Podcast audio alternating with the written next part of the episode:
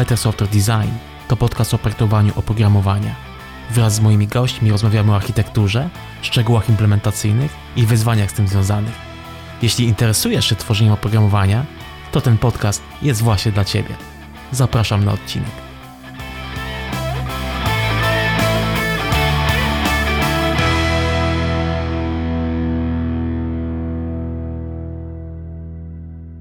Dzień dobry, dzień dobry wszystkim. Dzisiaj wracamy do tematu mm, modelowania i domain driven design po ostatnim odejściu w świat aspektów z Andrzejem Krzywdą. Powiem szczerze, że nie spodziewałem się aż takiego poruszenia gdzieś na Instagramie, na Twitterze i na Facebooku. Widać, że temat aspektów dosyć mocno poruszył tutaj nasze community, ale to myślę, że całkiem, całkiem fajnie. Jakby tutaj z Andrzejem myślę, że dopiero zarysowaliśmy wspólnie temat i będziemy do tego mm, tematu wracać, zwłaszcza, że tam pojawiło się takie dosyć ciekawe odwołanie pomiędzy aspektami a podejściem domain-driven i event-driven architecture. Także mm, myślę, że możemy się spodziewać tej wizyty Andrzeja mm, przy, przy mikrofonie Better Software Design jeszcze na pewno nie jeden raz. A dzisiaj uderzamy ponownie w świat y, domain driven, świat projektowania oprogramowania. Dzisiaj mam specjalnego gościa, osobę, którą bardzo cenię w naszym, naszym community. Natomiast zanim do tego dojdziemy, słowo komentarza. Mm, dziękuję wszystkim za te wszystkie komentarze, za wszystkie lajki i za wszystkie y, polecenia w iTunesach i wszystkich platformach, w których można subskrybować podcast. Mm, mam tutaj, wybrałem sobie jeden z komentarzy, który mnie bardzo mocno wczoraj, y, że tak powiem, rozbawił i spowodował duży uśmiech. Także dziękuję Pawle, że napisałeś ten miły komentarz. Y, komentarz brzmi, kto zna Mariusza, ten subskrybuje w ciemno, a kto nie, ten niech nadrobi, bo dużo traci. I myślę, że po dzisiejszym odcinku tych powodów będzie przynajmniej plus jeden.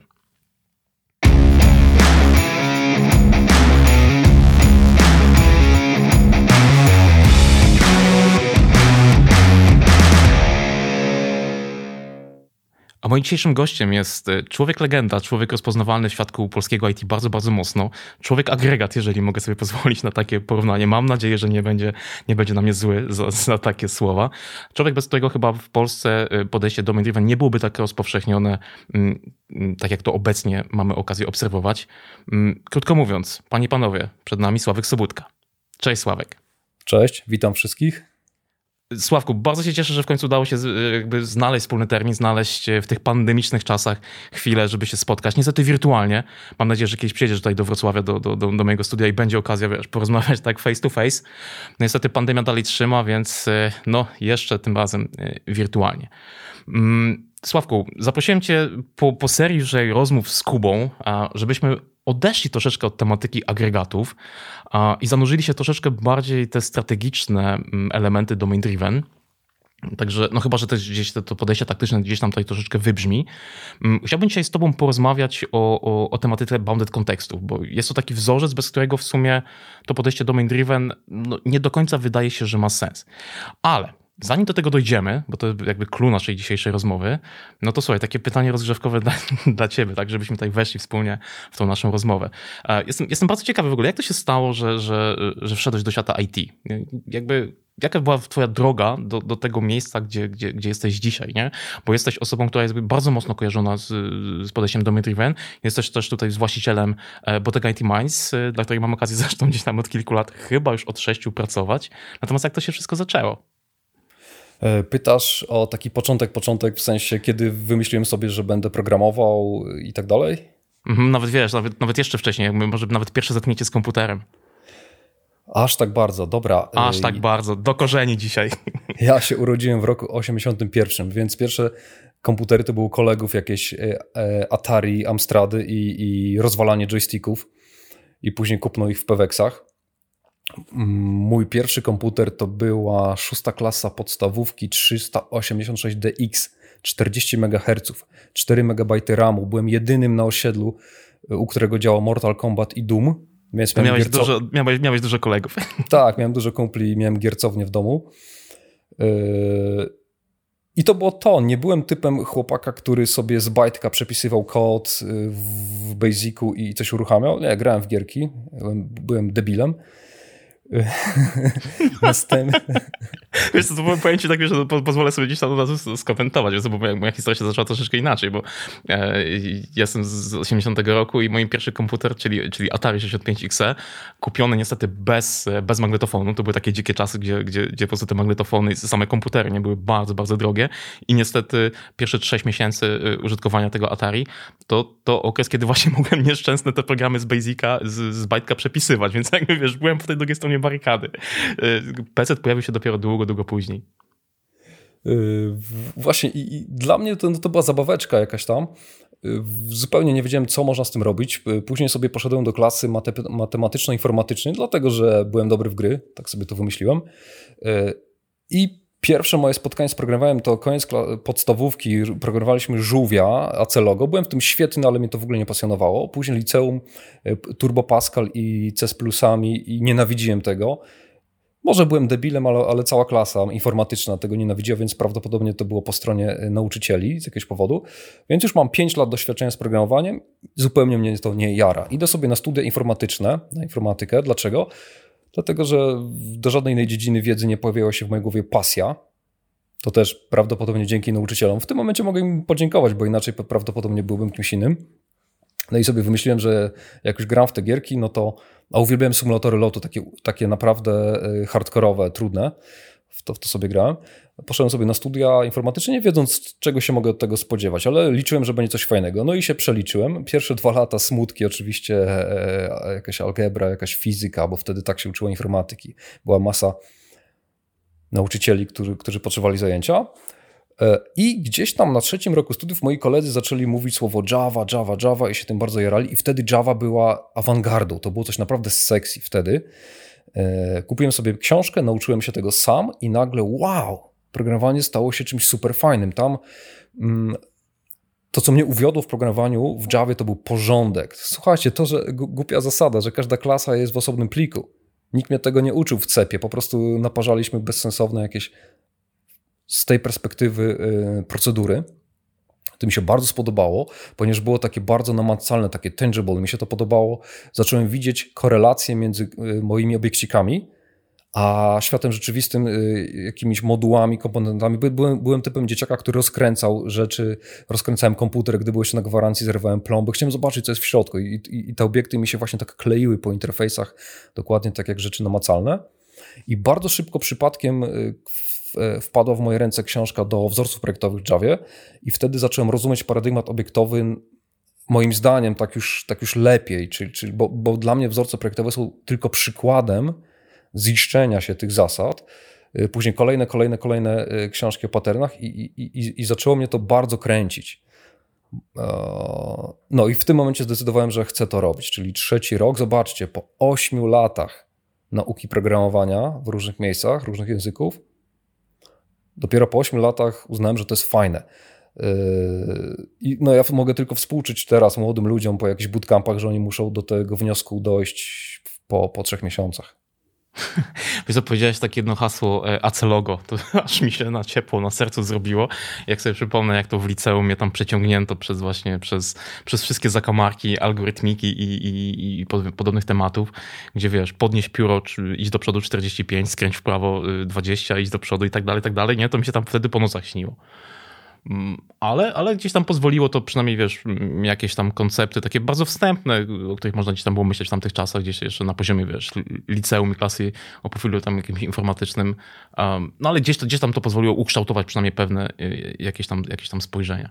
A z ciekawości, pamiętasz jaka to była książka, jeżeli chodzi o, o, o tą Java? To był Bruce Eckel i Thinking in Java, czy coś innego? Yy, nie, nie. Yy, o, jeżeli chodzi o wzorce projektowe, nie pamiętam. Wiesz co, mam ją na półce, yy, zupełnie nieznana, ża żaden ze znanych tytułów. Te znane tytuły kupiłem później, po niej. W sumie przeczytałem wszystko, co, co się dało na temat patternów, tak mnie to bardzo za, zaintrygowało.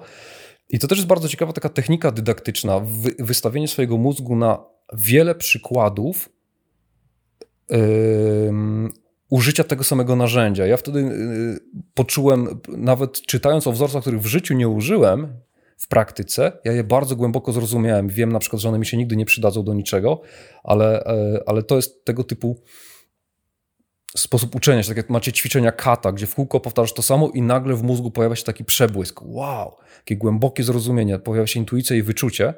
Więc, więc ta, po latach sobie uświadomiłem tak by tą swoją drogę, że coś się takiego zadziało. Bruce Eckel, to poruszyłeś to od razu powiem, bo część ludzi pyta, czego zacząć naukę. E, wtedy dla studenta, który czytał smutne książki do algebry, sorry, że się irytuję, ale wspomnienia. Mam dwie opcje, albo zacząć kląć, kląć teraz, albo płakać, bo, się gardło ściska. Y, więc e, Bruce Eckel i Thinking Java w porównaniu ze smutkami do algebry to jest bardzo fajna książka, bardzo fajna, ale obecnie moim zdaniem jest dużo, dużo więcej fajniejszych, dużo lepiej napisanych, dużo zgrabniej i dydaktycznie e, lepszych. Wiesz, tu mówimy o czasach sprzed kilkunastu lat, nie? Tak, tak, ale wciąż mam do niej sentyment, bo, bo jednak było to coś fajnego wtedy. Właśnie, bo tak zaczęłeś tutaj o dydaktyce i tak dalej. No, dzisiaj jesteś kojarzony jako, wiesz, osoba, która kręci Botegę, a jest, jesteś właścicielem. Jak to się w ogóle zaczęło, w ogóle cała historia z Botegą? Mm, wiesz co, ja się tak troszeczkę interesuję psychologią i, i, i tym, jak ludzie myślą i skąd się wzięło to, jak oni myślą, bo to jest też bardzo ciekawe.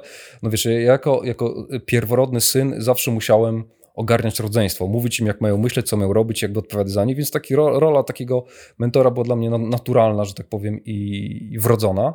Yy, jako student udzielałem korepetycji i zarabiałem sobie na tym bardzo ciekawie, znaczy jak, jak wtedy dla mnie. I zawsze uczyłem i, i i zastanawiałem się, jak coś komuś wyjaśnić. Zawsze miałem takie poczucie, jeżeli ktoś czegoś nie rozumie, to jest moja i tylko moja wina. Ja jestem po takiej szkole komunikacji, że wina zawsze leży po stronie nadawcy komunikatu. Nadawca powinien dopasować się do interfejsu odbiorcy. Yy, I to było dla mnie dosyć takie. Mm, no dobrze mi to szło. I pracowałem sobie kiedyś w jednej firmie jako architekt, e, lider zespołu. I ktoś mnie kiedyś poprosił, żebym zrobił szkolenie dla przyjaciół z Niemiec. Ja zrobiłem to, coś poopowiadałem od niechcenia, bez przygotowania. Wszyscy powiedzieli, ale to było super, ty to powinieneś prowadzić szkolenia. Co wy gadacie w życiu? Później wystąpiłem na, na y, Java User Group, na takiej grupie, y, jako jeden z pierwszych założycieli gdzieś tam i też powiedziano, ale ty to mógłbyś robić szkolenia. Co w życiu o tym nie myślałem. Y, aż w pewnym momencie miałem taki moment kryzysu w życiu, gdzie, gdzie zacząłem wątpić w, w to, czy miejsce, gdzie ja pracuję wtedy jest odpowiednim miejscem dla mnie, czy będę mógł się dalej rozwijać. I pojawia się opcja, ktoś mi zaproponował pracę w pewnej firmie szkoleniowej. Zgodziłem się, mm, chciałem spróbować, właśnie po tej namowie tych ludzi z zewnątrz, którzy powiedzieli mi, że mógłbym to robić. Ja wcześniej w ogóle nie wyobrażam sobie, że, że, że jest taka opcja. No, tam sobie popracowałem bardzo krótko, bardzo mi się e, nie odnalazłem się tam, mówiąc w skrócie. O, nie, uznałem, że, że chciałbym to robić po swojemu inaczej i wtedy wiedziony taką irytacją i zdenerwowaniem i słowiańskim nie wiem, Mariusz, można u ciebie przeklinać na kanale, czy nie? No najwyżej się wypika. Podejmę decyzję później. Słowiańskie zdenerwowanie we mnie się narosło i uznałem, kurczę, ja to będę robił inaczej po swojemu. I, i wtedy mm, moja żona, moja żona była osobą, która mnie do tego jakby zdopingowała i uznała, zrób to, poradzimy sobie, jak ci nie wyjdzie, to, to, ja, się, to ja ogarnę nas finansowo, bo ona też była w branży IT i y, no i miałem taki rodzaj bezpieczeństwa, tak, że okej, okay, w razie czego mogę spróbować. Miałem już w tym momencie zbudowaną pewną reputację, bo prowadziłem od lat bloga Art of Software, który dał mi już spore zasięgi i on w pewnym momencie wygrał plebiscyt najlepszego bloga tam w Polsce, javowego. Już miałem ze sobą parę wystąpień na konferencjach, już byłem rozpoznawany, ludziom się niektórym ludziom się podobało to, co robią i jak robią, więc klienci pojawili się w sposób, może nie powiem, że super łatwy, ale, ale łatwiejszy niż się spodziewałem. Nie było ich dużo, ale, ale pewne zaufanie było zbudowane. No i to zaczęło się powoli kręcić. No i na początku to był one-man show przez pierwsze jakieś tam 2-3 lata, aż później zaczęły się pojawiać kolejne osoby wśród znajomych. Zaczęliśmy poszerzać ofertę. E, na początku były to tylko szkolenia, dlatego że być może brand nie był na tyle, e, e, nie miał na tyle zaufania lub polskie IT nie było jeszcze gotowe na oddanie pewnej kontroli i później, później wszedł consulting, czyli, czyli programy naprawcze, projektowanie systemów z klientami, takie doradztwo. Na początku były to tylko szkolenia, z czasem, z czasem pojawiło się coraz więcej osób, które, które chciały do nas dołączać. To też było bardzo ciekawe, ja nigdy nie musiałem zabiegać o nowych trenerów. Bardziej moja strategia polegała na tym, że stworzyłem miejsce, w którym sam chciałbym pracować, bo nie mogłem takiego znaleźć, więc sam sobie je stworzyłem. I inni ludzie, innych ludzi zaczęło to przyciągać. To miejsce zaczęło ich przyciągać, i, i w tym momencie jest nas 60 osób, około, nie więcej. I gdzie w tym wszystkim się pojawiło? Kiedy się w ogóle tutaj zainteresowałeś, wiesz, podejściem domain driven? A, gdy jeszcze pracowałem na etacie, byłem architektem w, w, w jednym takim i liderem zespołu w dużym projekcie, gdzie mieliśmy system medyczny garniący cały szpital. To było 1200 tabelek w bazie danych, takich istotnych tabelek, nie mówię o pierdołach dookoła. Wykupił tą firmę niemiecki holding i uznał, że sobie zrobi system trzy razy większy, który ma przejąć cały rynek europejski i połowę amerykańskiego kilkanaście oddziałów tego holdingu z całego świata, nawet do Singapuru. Pracowaliśmy nad tym wielkim systemem. I ja wtedy czułem instynktownie i moi ludzie, których sobie wtedy dobierałem na rekrutacji, tak żeby do mnie pasowali. Co nie jest dobre, dobieranie ludzi podobnych do siebie, ale mi się świetnie z nimi e, czułem. Myśmy wszyscy razem mieli jedną taką myśl, kurczę, lub podobne słowo. Kurczę, to jak my teraz podchodzimy do projektowania tego wielkiego systemu, to się na pewno nie uda. Mieliśmy do współpracy architektów Uber, Panzer, Głowy z, z, od jednego z zachodnich sąsiadów pancerni architekci i oni robili to w taki klasyczny sposób. Jedna wielka baza danych, wielki model kanoniczny, żadnych kontekstów i tak bardzo po staremu. Widzieliśmy, to, to się nie uda. I pewnie jeszcze wszystko przywiązane do jednej centralnej tabeli pod tytułem user. Y, pacjent, tak. I pojawił się taki instynktowny, głęboki lęk we mnie, że jejku, y, to, to się nie może udać. Jak się później okazało, moje, mój instynkt był dobry, bo, bo po tym jak ja zostawiłem ten projekt, to już miał, miał, miał sporo opóźnienia. Ale nieważne, do czego zmierzam. No i pojawiła się w nas ta, ta, taka myśl, kurczę, musimy poszukać troszkę innego podejścia. Zacząłem wtedy studiować podyplomowo projektowanie systemów. Yy, nie znalazłem tam na to odpowiedzi, zacząłem szukać książek przeróżnych. Trafiłem na książkę Larmana, yy, genialną w ogóle, ona też zmieniła moje podejście myślenie do, do yy, projektowania systemów takie całościowe, ale zwinne, wciąż zwinne, to było zwinne podejście u Larmana. I pewnego momentu, w pewnym momencie poszedłem sobie na konferencję mm, dotnetową, e, sponsorowaną przez Microsoft, gdzie jakiś student piątego roku wyszedł i pokazywał architekturę systemu, nad którym pracuje, gdzie miał skubaniec, encje, tak jak javowe encje, tak samo w dotnecie mieli encje, ale one, słuchaj, miały metody. Nie tylko gettery i setery, ale miały metody. I ja wtedy jako taki no, guru e, e, lokalnego świadka Java na tej konferencji siedzieli koledzy, więc nie mogłem się powstrzymać. Podniosłem rękę, ja przepraszam młody chłopcze, ale twoje encje mają metody. A tak się nie robi, cała logika powinna siedzieć w serwisach. Na co ten młody człowiek, e, Rafał Barszczewski tak w ogóle, który jest, współpracujemy z nim w tym, w tym momencie, jest w tym momencie konsultantem na poziomie managementu ten moduczek powiedział, no tak, proszę pana, ale to jest takie podejście, wie pan, takie obiektowe i tutaj obiekty mają zachowania i to jest w ogóle takie DDD i Eric Evans i jest taka książka i on tak bardzo grzecznie, przestraszony mi odpowiedział wtedy na tej wielkiej sali, a ja pomyślałem sobie, kurczę, no przecież jestem wielkim fanem obiektowości i patternów i muszę kupić tą książkę. Szybko ją zdobyłem, przeczytałem ją z wypiekami na twarzy i pierwsza moja myśl była cóż ja czyniłem do tej pory? No bo uczyłem się, uczyłem się tworzenia systemów z tutoriali do Springa, do Java Enterprise Edition, wspaniałej przecież wyroczni, yy, gdzie mamy tą anemię w encjach? I później zacząłem sobie śledzić historię, dowiedziałem się, że to całe to podejście enterprise'owe anemiczne to było dlatego, że w Indiach powstawały wielkie fabryki kodu, i, przebranżowiano mechaników samochodowych na programistów w miesiąc i dla nich stworzono ten taki bardzo prosty młotek, podobny do Turbo Pascala, żeby oni się odnaleźli szybko, żeby mogli pracować od razu. I, i, i tak gorzko jakby zapłakałem na tą całą historią. No ale to przeczytałem sobie tą książkę Evansa i, i zaczęliśmy próbować stosować to podejście. Pierwsze moje próby były 11 lat temu.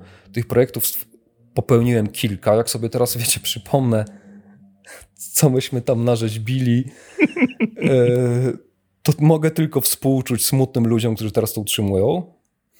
Przeczytałem Evansa po raz kolejny, później po raz kolejny, kolejne próby, zacząłem się szkolić w tym temacie, zaczęliśmy eksperymentować już wewnątrz Botegi, już wtedy już byłem e, e, otoczony ludźmi, którzy czuli to samo instynktownie, że, że powinniśmy szukać nowych podejść. No i tak, tak wygląda mniej więcej ta, ta historia, te początki. E, przypadk, tak jeszcze raz, przypadkowe wejście na jakąś konferencję zupełnie nie z mojej branży, jakiś student, który mnie pouczył, pokazał książkę. No, no to jest tak powiedziałeś właśnie o tym takim momencie, kiedy sobie uświadomiłeś, że, że o kurczę, można inaczej. Ja pamiętam jakby z, z, z, wiesz, z mojego własnego tutaj jakby życia też taki moment, kiedy jeszcze wiesz, 30 sekund temu byłem naprawdę szczęśliwą osobą, nie? Nagle coś się poukładało w głowie i, i doszło do wniosku, Jesus, ile, ile shitów w życiu zrobiłem, nie? I, i już wiem, że można inaczej. Nie? Takie, taki jakby życzę każdemu, żeby przeżył ten aha moment, nie? który coś naprawdę to, coś tam zmienia. Wystarczy czasami być wystawionym na jakąś zewnętrzną wiedzę, na jakieś doświadczenie i, i dużo rzeczy może się w życiu zmienić. Sławek, jakby fajnie jakby też usłyszeć, jakby wiesz, twoje to doświadczenie i, i strasznie mi się podoba też to, co powiedziałeś odnośnie, wiesz, czytania wielokrotnego Evansa. To nie jest książka, którą się czyta, wiesz, za jednym zamachem od dechy do dechy, którą się jakby rozumie. Wiesz, wydaje mi się, że do tego można wracać wielokrotnie, nie? Za każdym razem, kiedy też masz inne doświadczenie, to z tej książki wyciągniesz coś, coś tam jeszcze i gdzieś tam tutaj, wiesz, będziesz do tej kulki wiedzy doklejał jakieś tam inne elementy. Natomiast y, tak jak w tej, w tej naszej, jakby mojej zapowiedzi y, tego, tego odcinka, Mm, chciałem z Tobą porozmawiać na temat y, takiego domain driven design, tego na wyższym poziomie strategii, bo tutaj wspólnie z Kubą we wcześniejszych odcinkach tak się mocno sfokusowaliśmy i, i, i skupiliśmy na tych tematach takich, wiesz, taktycznych, nie? Tam sobie rozmawialiśmy o agregatach i tak dalej, i tak dalej, co wiadomo, że jest, jest tym takim, powiedziałbym, e, chlebem powszednim, natomiast bez tego elementu, o którym dzisiaj porozmawiamy, czyli o bounded kontekstach, to różnie może być w projekcie. Nie? I sobie tak powiem od razu z grubej rury. Co to jest właściwie bounded context? Jakbyś to przedstawił ten koncept osobie, która jeszcze na przykład Evansa nie czytała?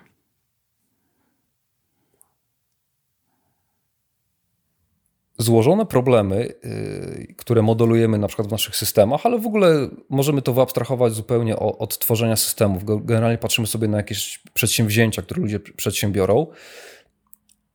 W tych przedsięwzięciach są splątane ze sobą właśnie różne konteksty, czyli możecie sobie spojrzeć na przykład na budowę czegoś, czy to jest budowa samochodu, czy jakiegoś budynku, czy mostu, czy, czy jakiegoś miasta, czy czegokolwiek, że tutaj możemy widzieć, że to jest kontekst na przykład ile tu zużywa energii i zupełnie inaczej będę sobie patrzył na kontekst, a jak szybko to się porusza, albo jak szybko mogą to zmienić. Są, są, są, są pewne konteksty, do których jest bounded, przypięty pewien model. I duży problem ma w sobie tak naprawdę wiele kontekstów i wiele modeli. Ja, mogę zupełnie inaczej patrzeć, pod jakby innym, y, y, innym przez inny pryzmat patrzeć na dany problem. Wiem, że to teraz brzmi bardzo abstrakcyjnie, więc pewnie potrzebowalibyśmy zejść do jakiegoś przykładu, tak, Ale wiesz, chciałbym... od, razu, od razu ci pozwolę się tutaj wtrącić. Nie? Właśnie problem, jaki często jakby można zauważyć z niektórymi definicjami, to gdzieś tam występują, czy to w, jakby w podejściu domain driven, czy, czy to w jakiejś takiej, wiesz, nie wiem, architekturze mikroserwisowej, to są te właśnie te takie nie do końca precyzyjne definicje, nie? Jakby wiesz, jakby dla osoby, która to słyszała pierwszy raz, to co powiedziałeś, nie? To okej, okay, jak ja mogę to zastosować wiesz, w rzeczywistości? Mhm. Nie? Dobra, spróbujmy tutaj jakby wspólnie na jakimś przykładzie może przybliżyć to, to, to, to zagadnienie. Mhm. Ok, to przykładów jest kilka typów. Są takie przykłady, nazwijmy to mm, może naiwne, może trywialne. Od niego zacznę. Jak macie książkę na przykład Vana Vernona, Implementing DDD, tam jest taki przykład, jest słowo produkt. I produkt rozumiemy zupełnie inaczej w kontekście sprzedaży, no bo on ma jakieś ceny, jakieś rabaty, takie rzeczy, a zupełnie inaczej w, roz, w rozumieniu wysyłki, tak, bo dla, dla osoby, która przesyła, dla, dla, dla firmy kurierskiej nie ma znaczenia, czy ty kupiłeś produkt, czy ty go dostałeś gratis, czy ty masz wymianę e, reklamacji. Po prostu on ma go gdzieś przesłać. Dla, dla, dla, dla, dla, w kontekście przesyłki to, co jest istotne, jego masa, pewne atrybuty, czy, czy mogę go pakować w jakiś rodzaj opakowań i takie rzeczy. I to i to jest powiedzmy produktem, ale yy, on ma zupełnie inne atrybuty, inne reguły nim rządzą. Podam wam ciekawy przykład z jednej sesji modelowania, gdzie firma robiła systemy sprzedażowe. Jeden chłopak 3 lata w firmie, drugi 5 lat, siedzą na przerwie na szkoleniu i jeden mówi: e, Mój drogi przyjacielu, mówi do kolegi, bardzo sromotnie się mylisz i, i mówisz, jakby w twoją głowę uderzyło męskie przyrodzenie. Znaczy, powiedział to troszkę krócej, z większym językiem, ale przekaz był dokładnie taki sam. Wiadomo o co chodzi. Tak, gdyż moim zdaniem produkt ma takie i takie i takie pola, na co drugi mówi: oddal się w pośpiechu, I też dużo powiedział historii jego matki, w skrócie, bo produkt ma takie i takie, i takie pola i zupełnie inne niż tamten chłopak. No i pytają się, proszę pana, proszę pana, a jaki według pana produkt ma pola? E, ja nie wiem, nie znam się na waszej domenie, nie analizowałem jej jeszcze, ale e, sposób, w jaki rozmawiacie, bo jestem wielkim fanem, już teraz mówię tak na boku, troszeczkę dygresja, e, analizowania, modelowania tego, jak ludzie myślą poprzez to, jakich słów używają, jakich struktur gramatycznych używają. Bo to bardzo dużo pokazuje z wnętrza jakby procesora, co tam wychodzi. I mówię, chłopaki, sposób, w jaki wy ze sobą rozmawiacie, czyli rozmawiacie o strukturach danych, o strukturach danych, tak? Produkt ma takie pola, czy ma takie pola. Nigdy się nie dogadacie. Zamiast tego, ja chcę Was zapytać, do czego Ty go używasz, czyli mówiąc technicznie, produkt jest parametrem jakich metod lub produkt jakiej ma odpowiedzialności, jeżeli jest nieanemiczny, czyli jakie produkt ma metody. Bo przez zachowania, a z zachowaniami są połączone reguły, czy to zachowanie może działać, czy nie, czyli metody i ify, mówiąc technicznie, ja jestem w stanie wydestylować powoli te konteksty. I nagle jeden chłopak mówi, że no my produkty sprzedajemy, proszę pana, a drugi mówi, a wiesz co, bo oni sprzedają te lodówki, i one się psują i my kupujemy części zamienne do, do tych lodówek, żeby je naprawić. Czyli oni, oni, dla nich produkt był częścią zamienną do lodówki. Oczywiście wszystko wrąbane w jedną Uber tabelkę product, która miała 60 kolumn, z czego 20 kolumn otwartych na rozbudowę typu string, gdzie możesz sobie włożyć JSON albo XML-a, zależnie od tego, czy jesteś nowoczesny, czy mniej nowoczesny, i otwartość na rozbudowę. E, więc to jest taki prosty przykład, że jakieś słowo znaczy coś zupełnie innego, zależnie od kontekstu tylko przez znaczenie rozumiem zachowania i reguły i w ten sposób sobie szukam kontekstu. Ale to, co jest dużo, dużo bardziej a, pożyteczne, b, zmieniające rozumienie biznesu i c, ułatwiające, masakrycznie ułatwiające yy, implementację systemów, to jest coś, co Mariusz nieraz spotkaliśmy na, na różnych sesjach analitycznych, gdzie w pewnych kontekstach pewne rzeczy są nierozróżnialne od siebie. Nie ma znaczenia. Przykład. Jest system, który na przykład śledzi próbki medyczne. Może to być próbka krwi, próbka mięsa zwierzęcego, żeby sprawdzić, czy nie jest zakażone, czy próbka śliny, w której podejrzewam, że istnieje wirus. Jeżeli będziecie rozmawiać z naukowcami, z badaczami, dla nich to są zupełnie osobne domeny biznesowe i w ogóle oni e, jedni drugimi gardzą, nie rozmawiają ze sobą i mają poczucie wyższości. Jak będziemy w ten sposób analizować y, system, który mam gdzieś w głowie jako przykład, troszeczkę zapuskowałem, ale mówię tylko to, co, co będziemy mogli powiedzieć. Więc mamy jakiś rodzaj próbek i próbujemy to modelować. Natomiast jeżeli zadają pytanie do, do, do biznesu, słuchajcie, na jakie pytania chcecie uzyskać odpowiedź z tego systemu? Odpowiedź, no mam dwa pytania. Gdzie fizycznie leży ta próbka? W którym budynku? W którym... Yy, Y, na którym piętrze, w której lodówce, w której szufladzie, w której fiolce. Chcę szybko jako naukowiec pójść w konkretne miejsce, wyjąć tą fiolkę do kolejnych badań. To jest moje pytanie, gdzie ona leży fizycznie? I drugie pytanie, skąd się wzięła? Pobrano ją z jakiego osobnika, który ma jaką historię, który się urodził z jakiego innego osobnika i jakim poddano go różnym y, po drodze tam, nazwijmy to, procedurom to nagle zobaczcie, jeżeli ja chcę wiedzieć, gdzie leży jakaś rzecz, gdzie ona leży fizycznie, to czy mnie interesuje, czy jest to kawałek y, y, mięsa zwierzęcego, czy jest to ludzka krew? Nie ma znaczenia, to jest po prostu pudełko z czymś. I nagle mam kontekst tak naprawdę e, logistyki, magazynowej i w kontekście logistyki, logistyki, przepraszam za akcent, logistyki magazynowej nie ma znaczenia, czy jest to paczka, krew, czy mięso, czy cośkolwiek innego, Czyli zobaczcie, w pewnym kontekście ja nie rozróżniam od siebie pewnych rzeczy biznesowych, one są tym samym. I drugie pytanie, skąd się to wzięło? To jest event log, seria eventów, która była wykonana na danej rzeczy. Nie, nieważne, jaka to była rzecz. Ale to wiesz, to od razu się rodzi takie pytanie, to w jaki sposób my możemy tą wiedzę pozyskać? Bo jeżeli będziemy sobie rozmawiać właśnie z ekspertami mm, domenowymi, czy też użytkownikami, nie, bo to jakby z, z różnymi osobami czasami będziemy sobie rozmawiać na temat tego systemu, który będziemy implementować, to zazwyczaj ten język, który tam się pojawia, on jest bardzo mocno właśnie zabrudzony tą całą mm, jakby narracją, taką bardzo, bardzo szczegółową. I teraz pytanie, jak my możemy tak naprawdę, wiesz, wydestylować to, co powiedziałeś, co, co dało się usłyszeć, że było takie bardzo, bardzo naturalne. Właśnie. Język. Cała filozofia DDD polega na, na tym założeniu ubiquitous language, czyli wspólne wszędobylskie słownictwo, czyli jeżeli biznes mówi jakimś słowem, to IT też mówi tym samym słowem i to samo słowo też pojawia się w kodzie, jeden do jednego.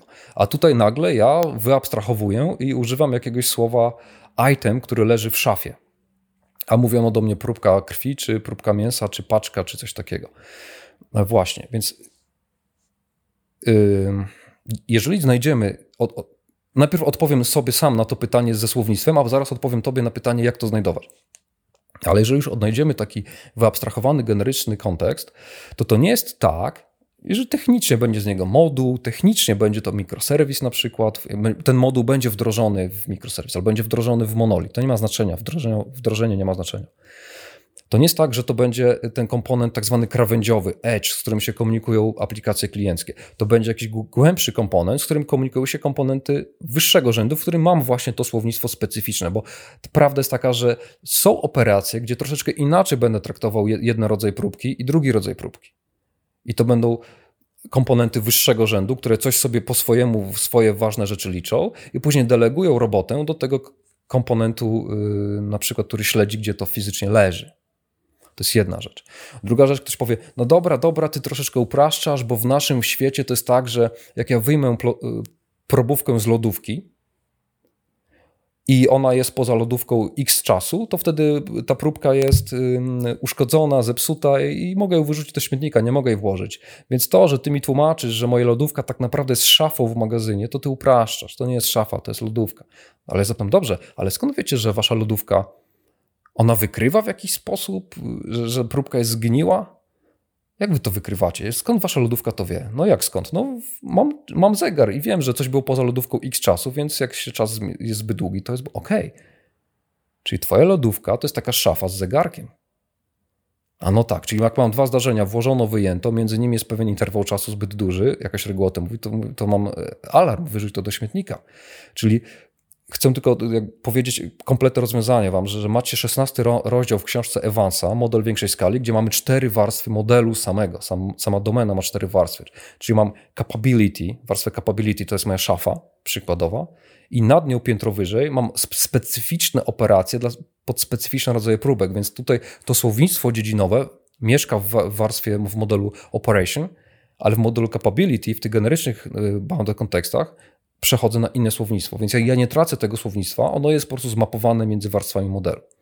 I tu jest jakby chciałem od razu uspokoić osoby, które w tym momencie skacze im ten tętno i my, co, jak ty mi słownictwo domenowe zmieniasz. Spokojnie, DDD jest spójną metodyką i tam są na to rozwiązania, czyli 16, 16 rozdział. Bardzo polecam. No dobrze, pytałeś Mariusz jeszcze o a jak to kurczę odkryć to wszystko?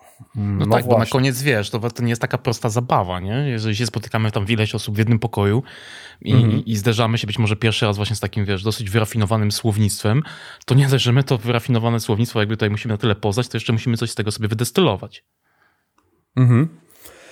I teraz tak, to trzeba też pamiętać o tym, że yy spotkanie. My w tym momencie, jeżeli robimy y, projekty, to zaczynamy zawsze je od event stormingu, a później decydujemy, czy wchodzimy w DDD, czy nie, bo być może projekt jest zbyt trywialny albo ma naturę nieobiektową, a na przykład funkcyjną i tam trzeba użyć troszkę inny, innego rodzaju modelowania.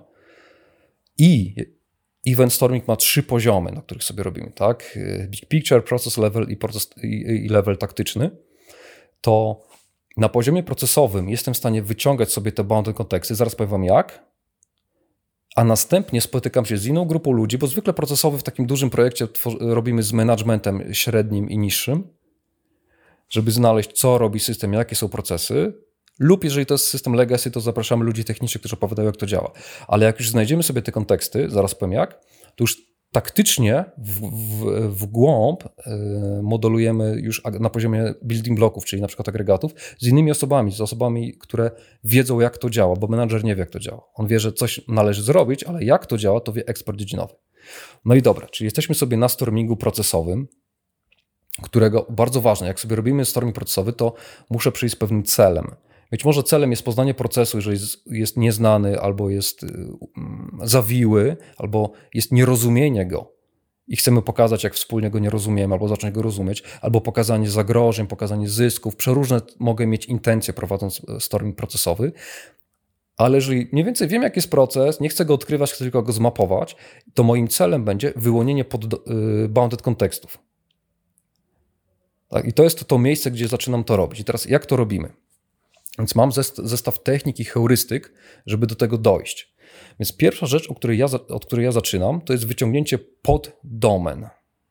No i teraz pojawia się nowe pojęcie. Miał, miał wyjaśnić bounded konteksty i wyjaśnia je wprowadzając poddomeny. Czyli wyjaśnianie przez skomplikowanie. Tak, już tłumaczę. To jest tak. Jak mam świat rzeczywisty, patrzę sobie na działanie jakiegoś przedsiębiorstwa, czy przedsięwzięcia, czy jakiegoś biznesu, czegoś takiego, to, to ten biznes składa się zwykle z pewnych poddomen. Czyli świat rzeczywisty mogę zacząć rozplątywać. Na przykład, żeby coś sprzedać, to ja muszę wiedzieć, czy coś jest dostępne i użyję tutaj kolejnego przykładu, kontekst availability. To jest e, przykład, który został już użyty przez wszystkich ludzi, którzy, którzy mówią o bandy kontekstach, kontekst dostępności.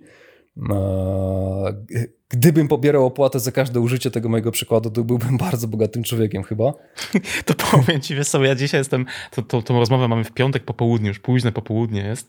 Ja dzisiaj, dzisiaj miałem y, kolejną sesję stormingową z, z jednym z zespołów, dla których mam okazję pracować i zgadnij, jaki kontekst tam się ujawnił właśnie.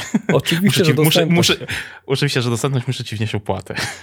Dokładnie, bo to jest, wiele biznesów zasada się na tym, czy coś jest dostępne, czy nie. Oczywiście są takie modele sprzedaży, gdzie zawsze jest dostępne, zawsze się wyprodukuje cegłę czy batonik, a są takie, gdzie nie zawsze. Mm, I przykładowo, jeżeli ja chcę coś, chcę coś sprzedać, no to pytam się, co wy musicie zrobić, żeby to sprzedać. Muszę wiedzieć, ile to kosztuje, czyli mam nagle cennik, wycenę, jakieś rabaty, jakieś ofertowanie. To jest jedna poddomena, jak to zaofertować. I drugie, czy to jest dostępne, czy ja mogę to sprzedać, czy masz uprawnienia, żeby to kupić. Mam przeróżne e, obostrzenia, które, które muszę sprawdzić, czy, czy coś mogę tobie sprzedać. I nagle mam dostępność. Yy, I na tym zatrzymajmy się. Tak? Czyli mam, mam biznes sprzedaży czegoś, ale jak zaczynam się jemu zagłębiać, on jest splątany tak naprawdę z dwóch podbiznesów. Czy coś jest dostępne, ile to kosztuje? Dlaczego jest splątany? Bo ja na przykład pewne rzeczy mogę sprzedawać zawsze. Ja je sprzedaję za pieniądze, ale są zawsze dostępne. Mam pewien typ, typ produktów, gdzie nie sprawdzam dostępności, to jest zawsze dostępne i vice versa. Pewne rzeczy mogę oddawać za darmo, nie za pieniądze mogę je oddawać w gratisach, ale tylko pod warunkiem, że one są dostępne. Więc widzę, że, że wycena produktu i dostępność produktu to są dwa aspekty biznesowe tego, tego bytu produkt, które przypadkiem ktoś splątał ze sobą, bo tak mu jest mu wygodniej myśleć, bo ludzie w biznesie często nie są ćwiczeni w myśleniu abstrakcyjnym i oni tego tak nie rozplątują między sobą. Ktoś, wiecie, na ekranie, na GUI wymyśli sobie, będzie ekran z poglądem produktu, będzie tam zdjęcie, opis, yy, tagi i cena i dostępność i to naiwnym modelarzom, naiwnym programistom sugeruje, no kurde, jak coś jest na ekranie obok siebie, jakieś, jakieś dane są obok siebie na ekranie, to pewnie będzie to jedna encja, to pewnie będzie to jedna tabelka. Prawda? No pewnie sam, sam Mariusz przyznaj się, tak robiłeś, ja też tak robiłem nieraz, dawno temu. No oczywiście. Na, na, naiwna analiza przez ekrany. Ale absolutnie nie. To, że coś występuje na ekranie obok siebie, no to tylko dlatego, że ludzie lubią tak to widzieć i tak mi jest wygodniej, ale to są zupełnie osobne biznesy. I oczywiście ze względów wydajnościowych ja mogę te dwie informacje biznesowe, czy dostępne, ile, ile kosztuje, mieć w jakimś cache'u, żeby hiper szybko to wyświetlać na ekranie, ale cache nie jest właścicielem reguł i, i, i, i danych, on jest tylko cache'em. Reguły i dane dostępności, reguły i dane wyceniania to są zupełnie osobne konteksty. No dobrze, więc, więc pierwsza rzecz, żeby zanim przejdę do bounded kontekstów, chcę najpierw spojrzeć, bo czym się różni bounded kontekst, może powiem od poddomeny. Poddomena to jest świat rzeczywisty, w rzeczywistości są pewne poddomeny, a bounded konteksty to jest rozwiązanie, które ja proponuję na przykład poprzez system informatyczny. Czyli to się w DDD nazywa problem space, czyli problem, problem, yy, przestrzeń problemu, czyli świata rzeczywistego i solution space, jak ja to rozwiążę. Czyli bounded konteksty to są, to są konteksty, w których mieszkają moje modele kontekstowe, to jest model, czyli już rozwiązanie, a poddomena to jest świat rzeczywisty. Więc ja na początku zaczynam sobie wyłaniając poddomeny w świecie rzeczywistym z taką, z taką intencją. Być może każda poddomena, którą znajdę, zamieni się jeden do jednego na bounded context. Być może tak będzie, a być może tak nie będzie. Zobaczymy. Więc chcę mieć najpierw y, poddomeny w świecie rzeczywistym i później zdecyduję, czy każda poddomena zamieni się na bounded context, czy może się okaże, że jeden bounded context ogarnie mi kilka poddomen. Dlaczego? Dlatego, że wiecie, mapowanie jeden do jednego, jeden, jedna poddomena równa się jeden bounded context, czyli jeden problem rzeczywisty równa się jeden, jedna przestrzeń modelowania, byłoby to mapowanie jeden do jednego wtedy, gdy gdyby mój system modelował całą rzeczywistość ze świata rzeczywistego, ale nigdy tak nie jest. My tak naprawdę modelujemy tylko podzbiory rzeczywistości w systemie. A dużo rzeczy zostaje nieogarnięte przez system, robią to ludzie rękami, telefonami, głowami swoimi czy czymś takim. Jest to poza systemem. I może się nagle okazać, że jak ja sobie wymyślę klasę X w, w moim bounded kontekście, w moim przestrzeni rozwiązania, to ta klasa X idealnie pasuje mi do poddomeny pierwszej i do poddomeny drugiej bo ja tylko wycinek poddomen ze świata rzeczywistego modeluję w systemie i te dwa wycinki jestem w stanie opierdzielić jedną klasą, jednym agregatem, jednym value objectem, znaczy kilkoma, ale generalnie że, że, że chodzi mi o to, że jeden bounded context, w którym jest wiele klas jakiś tam, świetnie pracuje mi w poddomenie A i w poddomenie B w rzeczywistości, w ich, w ich wycinkach. Więc w, te, w tym sensie y, będzie mapowanie poddomen na bounded konteksty. Więc mam nadzieję, że już udało mi się wyjaśnić, czym są te byty. No i wracam do mojego wyjaśnienia, jak to się odkrywa. Więc pierwszym moim krokiem jest znalezienie poddomen, jeszcze raz przypomnę, dlatego że być może będę miał mapowanie jeden do jednego. To się nigdy nie zdarza, ale mam, mam w głowie taki, taki tok rozumowania. No i teraz, jak sobie te poddomeny znajdować? Więc pierwsza rzecz, one mogą być splątane, tak jak powiedziałem. Mm, że żeby coś sprzedać, to muszę zrobić kilka czynności biznesowych, tak? Sprawdzić, czy dostępna i to wycenić. Żeby wypożyczyć hulajnogę, to ja muszę sprawdzić, czy jest dostępna yy, i sprawdzić, czy na przykład cię na to stać, czy masz doładowane konto. I tak dalej, i tak dalej. Więc zaczynam w pierwszym momencie, jak sobie rozrysujemy procesy biznesowe, mamy te karteczki, eventy i tak dalej, stawiam, pytam się yy, moich uczestników, słuchajcie, na jakie pytanie odpowiada ten system? No i dostaję odpowiedzi. Pytanie A, B, C, D. Na przykład, czy dostępny, ile kosztuje. Dziękuję. Następnie proszę, proszę zespół na sali, słuchajcie, weźcie teraz takie małe fiszki, takie wiecie, karteczki malutkie do zaznaczania tam e, w książkach e, rozdziałów. Weźcie teraz e, małe kolorowe fiszki i powiedzcie mi, które zdarzenia, a przypomnę, zdarzenie to jest istotna zmiana stanu, coś istotnego się zmieniło. Które zdarzenia zmieniają stan biznesowy, który ma wpływ na pytanie A? Czyli jest pytanie, ile kosztuje jakiś towar? No, zaznaczcie zdarzenia, które wpływają na, na, zmian, na, na tą cenę. I nagle się okazuje, że masa zdarzeń wpływa na cenę. Nie tylko zmiana cennika, ale też popularność jakiegoś towaru, wyświetlenie go na ekranie wiele razy i to nagle wszystko wpływa na cenę. Pyk, pyk, pyk, pyk, pyk, przyklejamy sobie te karteczki na, na, na ścianie, oznaczamy zdarzenia, które mają wpływ na jakieś pytanie. I nagle widzę, ok, mój proces biznesowy w bardzo wielu miejscach, wyobraźcie sobie na ścianie karteczki o rozpiętości 5 metrów i w bardzo wiele karteczek zmienia mi coś w kontekście na przykład wyceny. Następnie drugie pytanie. Jakie jest drugie pytanie, które odpowiada system? Na przykład, czy towar jest dostępny? Ok. W których miejscach są wydarzenia, które zmieniają, mają wpływ na dostępność tego towaru? Tu, tu, tu i tu. Ok, czyli znowu widzę mój proces jeszcze w innych miejscach zmienia, wpływa na dostępność. Czyli wyobraźcie sobie to jak taki warkocz, spleciony warkocz. Proces to jest, proces biznesowy to jest splecenie się ze sobą zmian stanu w różnych poddomenach biznesowych. To jest pierwsza heurystyka, jak chcę to rozplątać, zobaczyć, gdzie mi się to poplątało. Następnie idę sobie po komendach na Stormingu i pytam, słuchajcie, czy, jest, czy istnieją alternatywne sposoby wejścia i wyjścia z, tego, z tych kroków procesu? Jeżeli, stało, jeżeli jest jakaś komenda, pytanie, dlaczego ona jest wywołana? No bo wcześniej coś się stało. A czy są inne powody, dla których ktoś chce odpalić tą komendę? Jeżeli są inne powody, to jest dla mnie wyraźny sygnał, że to jest osobna poddomena biznesowa. Albo w drugą stronę, czy są, alternatywne wyjścia z procesu. Dobra, co się stało? Wyświetliliśmy jakiś ekran po serii zdarzeń, następnie leci jakaś komenda. Czy po tym ekranie są możliwe inne komendy? Albo czy inne widoki? Mogę po jakimś zdarzeniu coś innego zaprezentować. Czyli szukam rozszczepień procesu. Jeżeli je znajduję, to też jest dla mnie wyraźny sygnał, że może to być osobny kawałek biznesu. I to, tutaj, wiesz sobie, pozwolę się tutaj jakby troszeczkę wtrącić, nie? Bo tak, z jednej strony, co powiedziałeś, właśnie będę szukał alternatywnych wejść do procesu, nie? Czy, czy to, tego mhm. mogę jakoś tam inaczej użyć? I tak jak sobie na przykład tutaj myślę, nie? jest na przykład y, tutaj, załóżmy taki system, który będzie organizował nam przejazdy, y, nie wiem, jakieś floty samochodów ciężarowych z punktu A do punktu B, bo będziemy tam przewozić, nie wiem, na przykład, mhm. wiesz, 3 tony, 3 tony piachu lub tam cokolwiek innego. I ten, i ten podsystem wyceny nie? będzie nam odpowiadał, ile będzie nas to kosztowało, jeżeli będziemy tutaj przejecha- przejecha- mm, organizowali przejazd z, na takich warunkach z punktu A do punktu B. Inny tutaj jakiś tam fragment systemu no będzie potencjalnie odpowiadał na inne pytanie.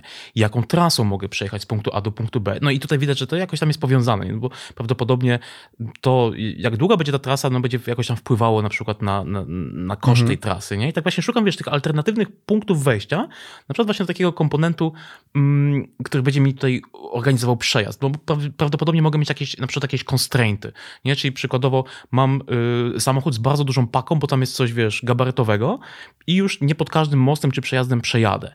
I teraz szukam właśnie tych, tych, tych alternatywnych użyć tak sobie myślę, to skoryguj mnie, jeżeli się tutaj pomylę, że mógłbym na przykład chcieć zobaczyć, jakie są na przykład alternatywne trasy, które być może będą dłuższe, być może będą krótsze, ale e, będą wymagały na przykład, nie wiem, podniesienia linii jakiejś na przykład y, jakiejś tam teleinformatycznej czy energetycznej, ale jedynym moim celem jest nie wycena, tylko na przykład zobaczenie, którędy mogę alternatywnie pojechać.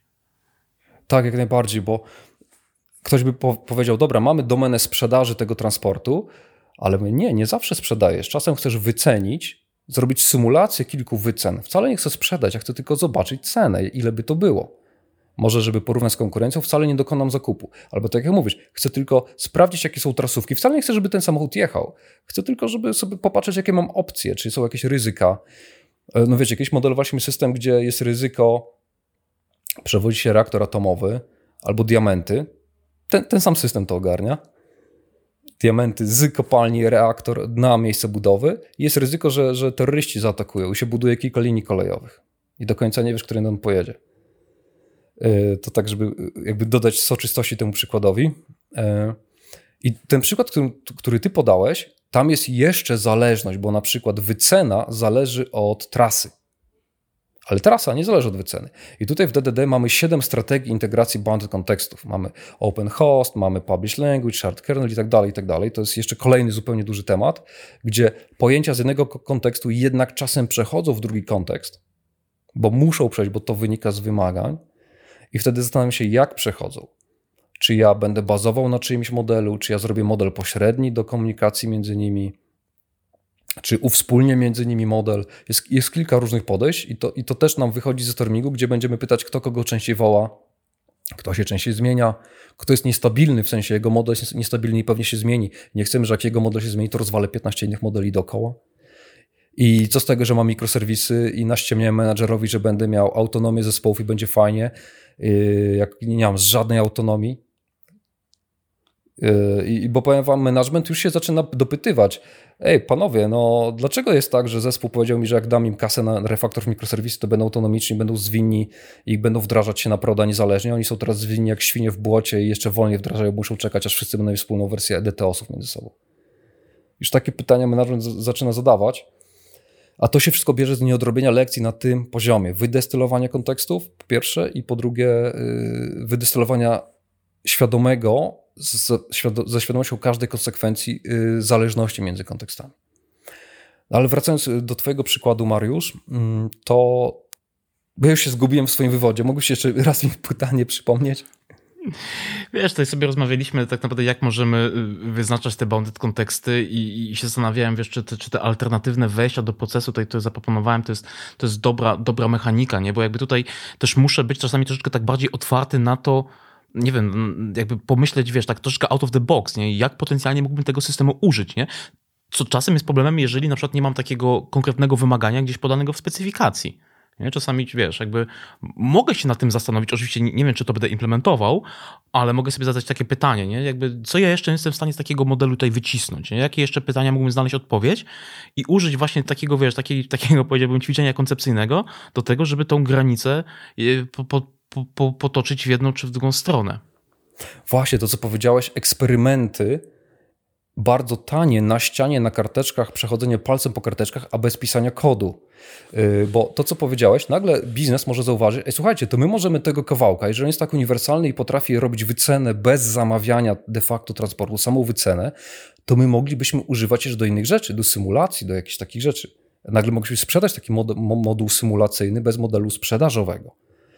I, I nagle zwykły programista, który stał się modelarzem, przestaje być tylko implementatorem i brygadą remontowo-wykonawczo-wyburzeniową, a stajesz się nagle doradcą dla biznesu, partnerem równorzędnym, bo im podpowiadasz rozwiązania, razem wy, bo jesteście w stanie wykreować produkty. O tym się bardzo mówi dużo w Polsce, że w Polsce brakuje ludzi od product developmentu.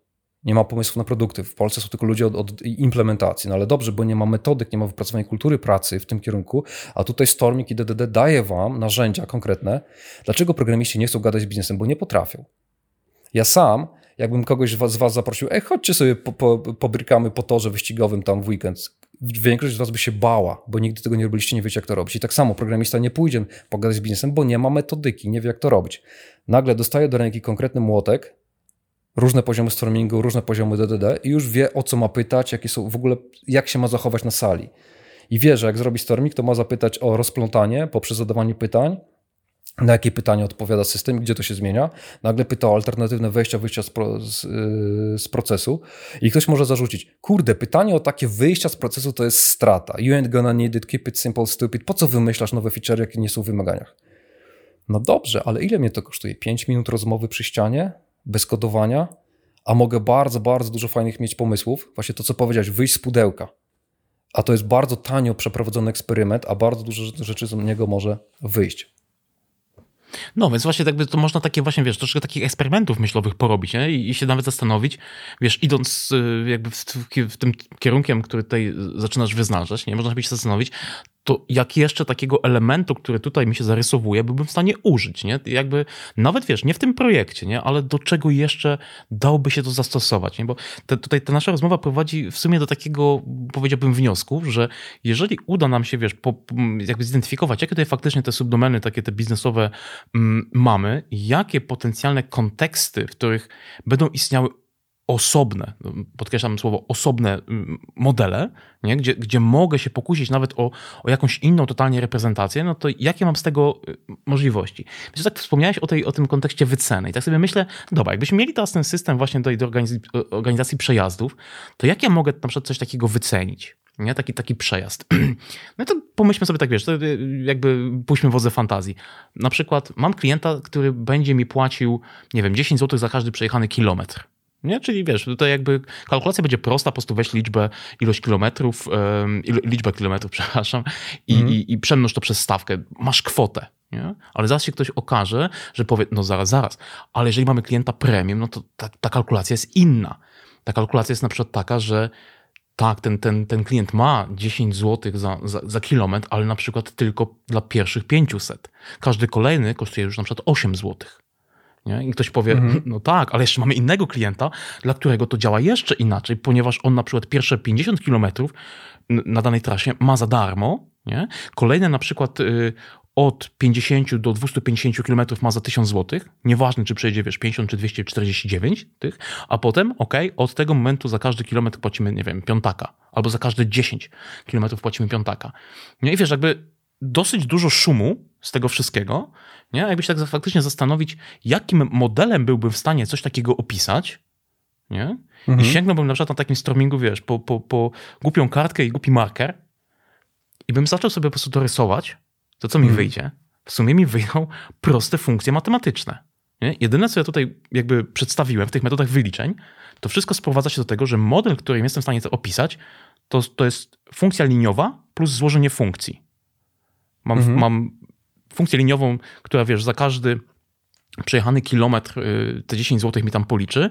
Mam funkcję y, stałą w przedziale od 50 y, do 250 kilometrów, wiesz, która zwraca 1000, a do 50 zwraca 0, czyli mam złożenie dwóch funkcji liniowych i mogę zacząć myśleć takimi kategoriami, ponieważ ten model tutaj, on jest właściwy, tak, ale on jest tylko właściwy w tym kontekście, w sensie w tylko w tym metodzie wyliczenia.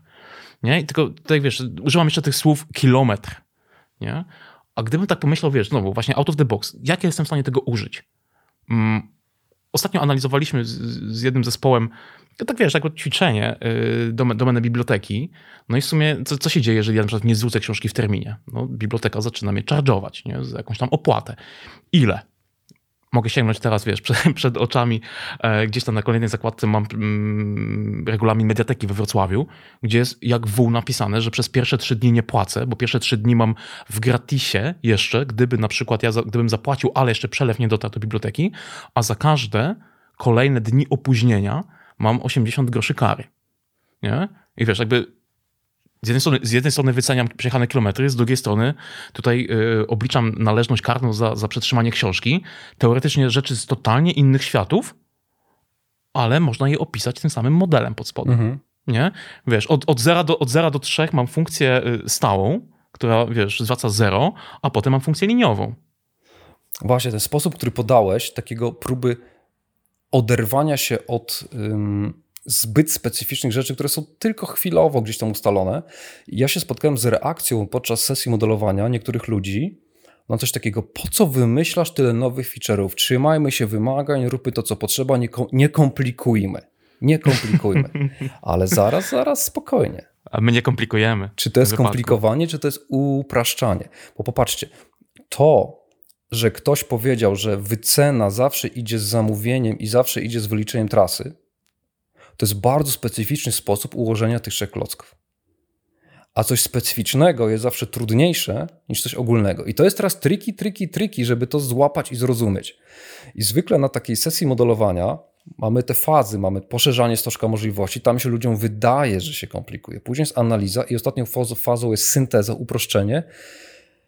I dziesiątki sesji, które zrobiliśmy Mariusz razem i, i osobno, zawsze, ale to zawsze było tak, że po pozornej komplikacji, jak się to wszystko wydestylowało, wyczyściło, na koniec nie było tak, żeby było trudniej. Zawsze się upraszczało. Jak zespół miał przed spotkaniem jakieś wyobrażenie rozwiązania, po takim modelowaniu zawsze mówili, kurde, no to jest jednak prostsze.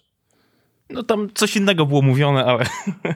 natomiast słuchajcie, dla osób, które by chciały jakby pogłębić jakby dokładnie to, co właśnie Sławek powiedział, e, to, to poszerzanie, komplikowanie i, i upraszczanie, nie? Jakby troszeczkę też na tym momentami się storming zasadza, bo jakby storming garściami czerpie z innych konceptów i tutaj można po prostu odwołać się do divergent, emergent i convergent thinkingu, tak? Tych faz właśnie, o których mówisz, nie? Czyli z jakiegoś punktu wychodzę, komplikuję bardzo mocno, zaczynam sobie coś, e, że tak powiem, mm, wyłaniać i upraszczam, czyli divergent, emergent i convergent i, i ty tak wspomniałem, nie, nie, tylko Storming jakby na, tym, na, na, tej technice jakby bazuje, nie? to jest taka ogólna y, zasada, która działa po prostu przy, przy znajdowaniu jakiegoś rozwiązania na, na, jakiś postawiony problem. Tylko musimy znaleźć jakby y, po pierwsze, jaki problem mamy, nie? I to jest czasami dosyć trudne pytanie, z, z czym my w ogóle walczymy. Nie? Mhm. Jakby tutaj znowu można nawiązać do tego, co powiedziałeś wcześniej. Jakby wchodząc na sesję stormingową, ja muszę mieć jasno określony cel, nie? Jakby z czym ja chcę wyjść. Mogę tą, tą sesję inaczej prowadzić, w zależności od tego, jaki ma być efekt. Nie? Czyli, dobra, ale strasznie mi się podoba, wiesz, jakby doszliśmy do tego, że ok, mogę mieć też taki model, który jest zupełnie inny, co czasami, ja, ja, ja też się tak jakby, wiesz, pod tym podpiszę, że to często powoduje takie odrzucenie pierwotne, nie? Ze, ze strony na przykład zespołu, że o kurczę, przecież jakby to są w ogóle jakieś nowe rzeczy, nie komplikujmy. Ale jak się tak człowiek zastanowi, to ok, my zazwyczaj jakby wytwarzamy bardzo prosty model, który opisuje ten, ten fragment rzeczywistości, nie? właśnie tak jak mówisz, bounded, nie? fragment rzeczywistości, bardzo dokładnie, a właściwie na tyle dokładnie, na ile my to chcemy zareprezentować w systemie. I poskładanie kilku takich kontekstów, które będą współpracowały ze sobą w różny sposób, ponieważ tych, tych sposobów relacji, łączenia kontekstów ze sobą istnieje kilka, pozwala nam wytworzyć ten system. Nie? I zazwyczaj potem na końcu, jak się kilka systemów, może kilkanaście, przeanalizuje w taki sposób, to można dojść do wniosku, że o kurczę, bardzo dużo biznesów jest ze sobą bardzo podobnych na tych takich najniższych warstwach, jakbyśmy już tak wiesz, myśleli o, o jakimś tam software'ze. I nie mówię tutaj, wiecie, że używamy Oracla czy, czy, czy, czy Postgresa na poziomie właśnie tych kontekstów, tylko one są inaczej poskładane. Nie? I wiesz, w jednym, w jednym y, kontekście na przykład y, będziemy, nie wiem, sprzedawali, w jednym biznesie, to jest oczywiście unikalny, będziemy sprzedawać, nie wiem, wycieczki a w drugim będziemy sprzedawać, nie wiem, przejazdy samochodem i tak dalej, tak dalej. I na końcu dojdziemy, że, że ok, wartość dla klienta jest zupełnie inna, ale pod spodem jesteśmy w stanie to relatywnie podobnymi konceptami gdzieś tam, gdzieś tam poogarniać, inaczej je poskładać, inaczej skonfigurować, inne polityki gdzieś tam do środka włożyć. Nie? Mhm. Oczywiście to nie jest tak, że to będzie jedno do jednego zawsze to samo, nie? Jakby na tym też tam polega nasza praca, żeby te, czasami te różnice wychwycić. I, I powiem Ci właśnie, na dzisiejszym stormingu wyszło, że, że moduł dostępności ma pewien specyficzny aspekt, którego nigdy wcześniej w innych projektach nie widziałem. Nie? A jakkolwiek one się odwoływały właśnie do tego konceptu, wiesz, dostępności, że coś jest dostępne albo nie jest dostępne. Nie? I jak ja teraz mogę zareagować? Mhm. Ale to wiesz, tutaj jakby po przeprowadzeniu takiego procesu rozumowania, który doprowadza nas do, po pierwsze do zrozumienia, czym, czym, jakie tutaj mamy te subdomeny mm, biznesowe, jakimi bounded kontekstami możemy je wyrazić, no to pytanie kolejne, które się ciśnie jest takie, to w jaki sposób my się możemy upewnić, że wyznaczyliśmy poprawne granice. Nie? Bo tak jak wiesz, z Kubą sobie y, gdzieś tam wcześniej próbowaliśmy podobny tok przeprowadzić, tylko że y, z perspektywy pojedynczego agregatu, nie? I patrzyliśmy, wiesz, czy ten agregat jest za duży, za mały, czy, czy, czy może jest sam raz, no to pytanie jest takie tutaj do ciebie, w jaki sposób możemy zweryfikować, czy, czy, czy, czy dobrze odrobiliśmy lekcję i czy ten nasz model wytrzyma to, co wiesz, jakby tutaj y, jest na niego narzucone. Mhm. Właśnie, bo e, poniekąd odpowiem na to pytanie, na weryfikację poprzez e, dodanie jeszcze kolejnych heurystyk destylacji samej, bo jeszcze o nich nie skończyłem wam opowiadać i co, co jeszcze mam jakby w narzędziowniku swoim, bo to są kolejne rzeczy, które dokładamy, dokładamy i to się destyluje e, w taki sposób, że, że te konteksty są już tak wyspecjalizowane w odpowiedzi na jakieś jedno konkretne pytanie, biznesowe i zamykamy w nich cały stan, który odpowiada za, za to, że za, za, za, odpowiedź na to pytanie, że wtedy ta pomyłka jest, redukujemy prawdopodobieństwo pomyłki. Więc tak, skończyliśmy na tym, że zaczynamy sobie szukać tych wejść, wyjść w procesie, zadajemy na jakie pytania to sobie odpowiada i nam się wyłaniają te generyczne rzeczy. I teraz jeszcze wrócę tylko do, tego, do tej reakcji emocjonalnej, że część, część ludziom wydaje się to bardziej skomplikowane, ale tylko na początku pozornie. Później wszyscy przyznają, faktycznie wyszło prościej. Dlaczego? Dlatego, że pamiętajcie, rzeczy specyficzne, czyli specyficzne ułożenie czegoś w jakiś ciąg wywołań, rzeczy specyficzne są trudniejsze, rzeczy ogólniejsze są prostsze. Ale co to znaczy ogólniejsze? Ogólniejszy to nie znaczy napakowany większą ilością feature'ów. To jest, nie o to mi chodzi ogólniejsze, bo wtedy faktycznie jak napakuję więcej feature'ów, więcej feature'ów, tak, to będzie to bardziej skomplikowane i wyjdę poza zakres odpowiedzialności i nigdy nie skończę analizy. Nie?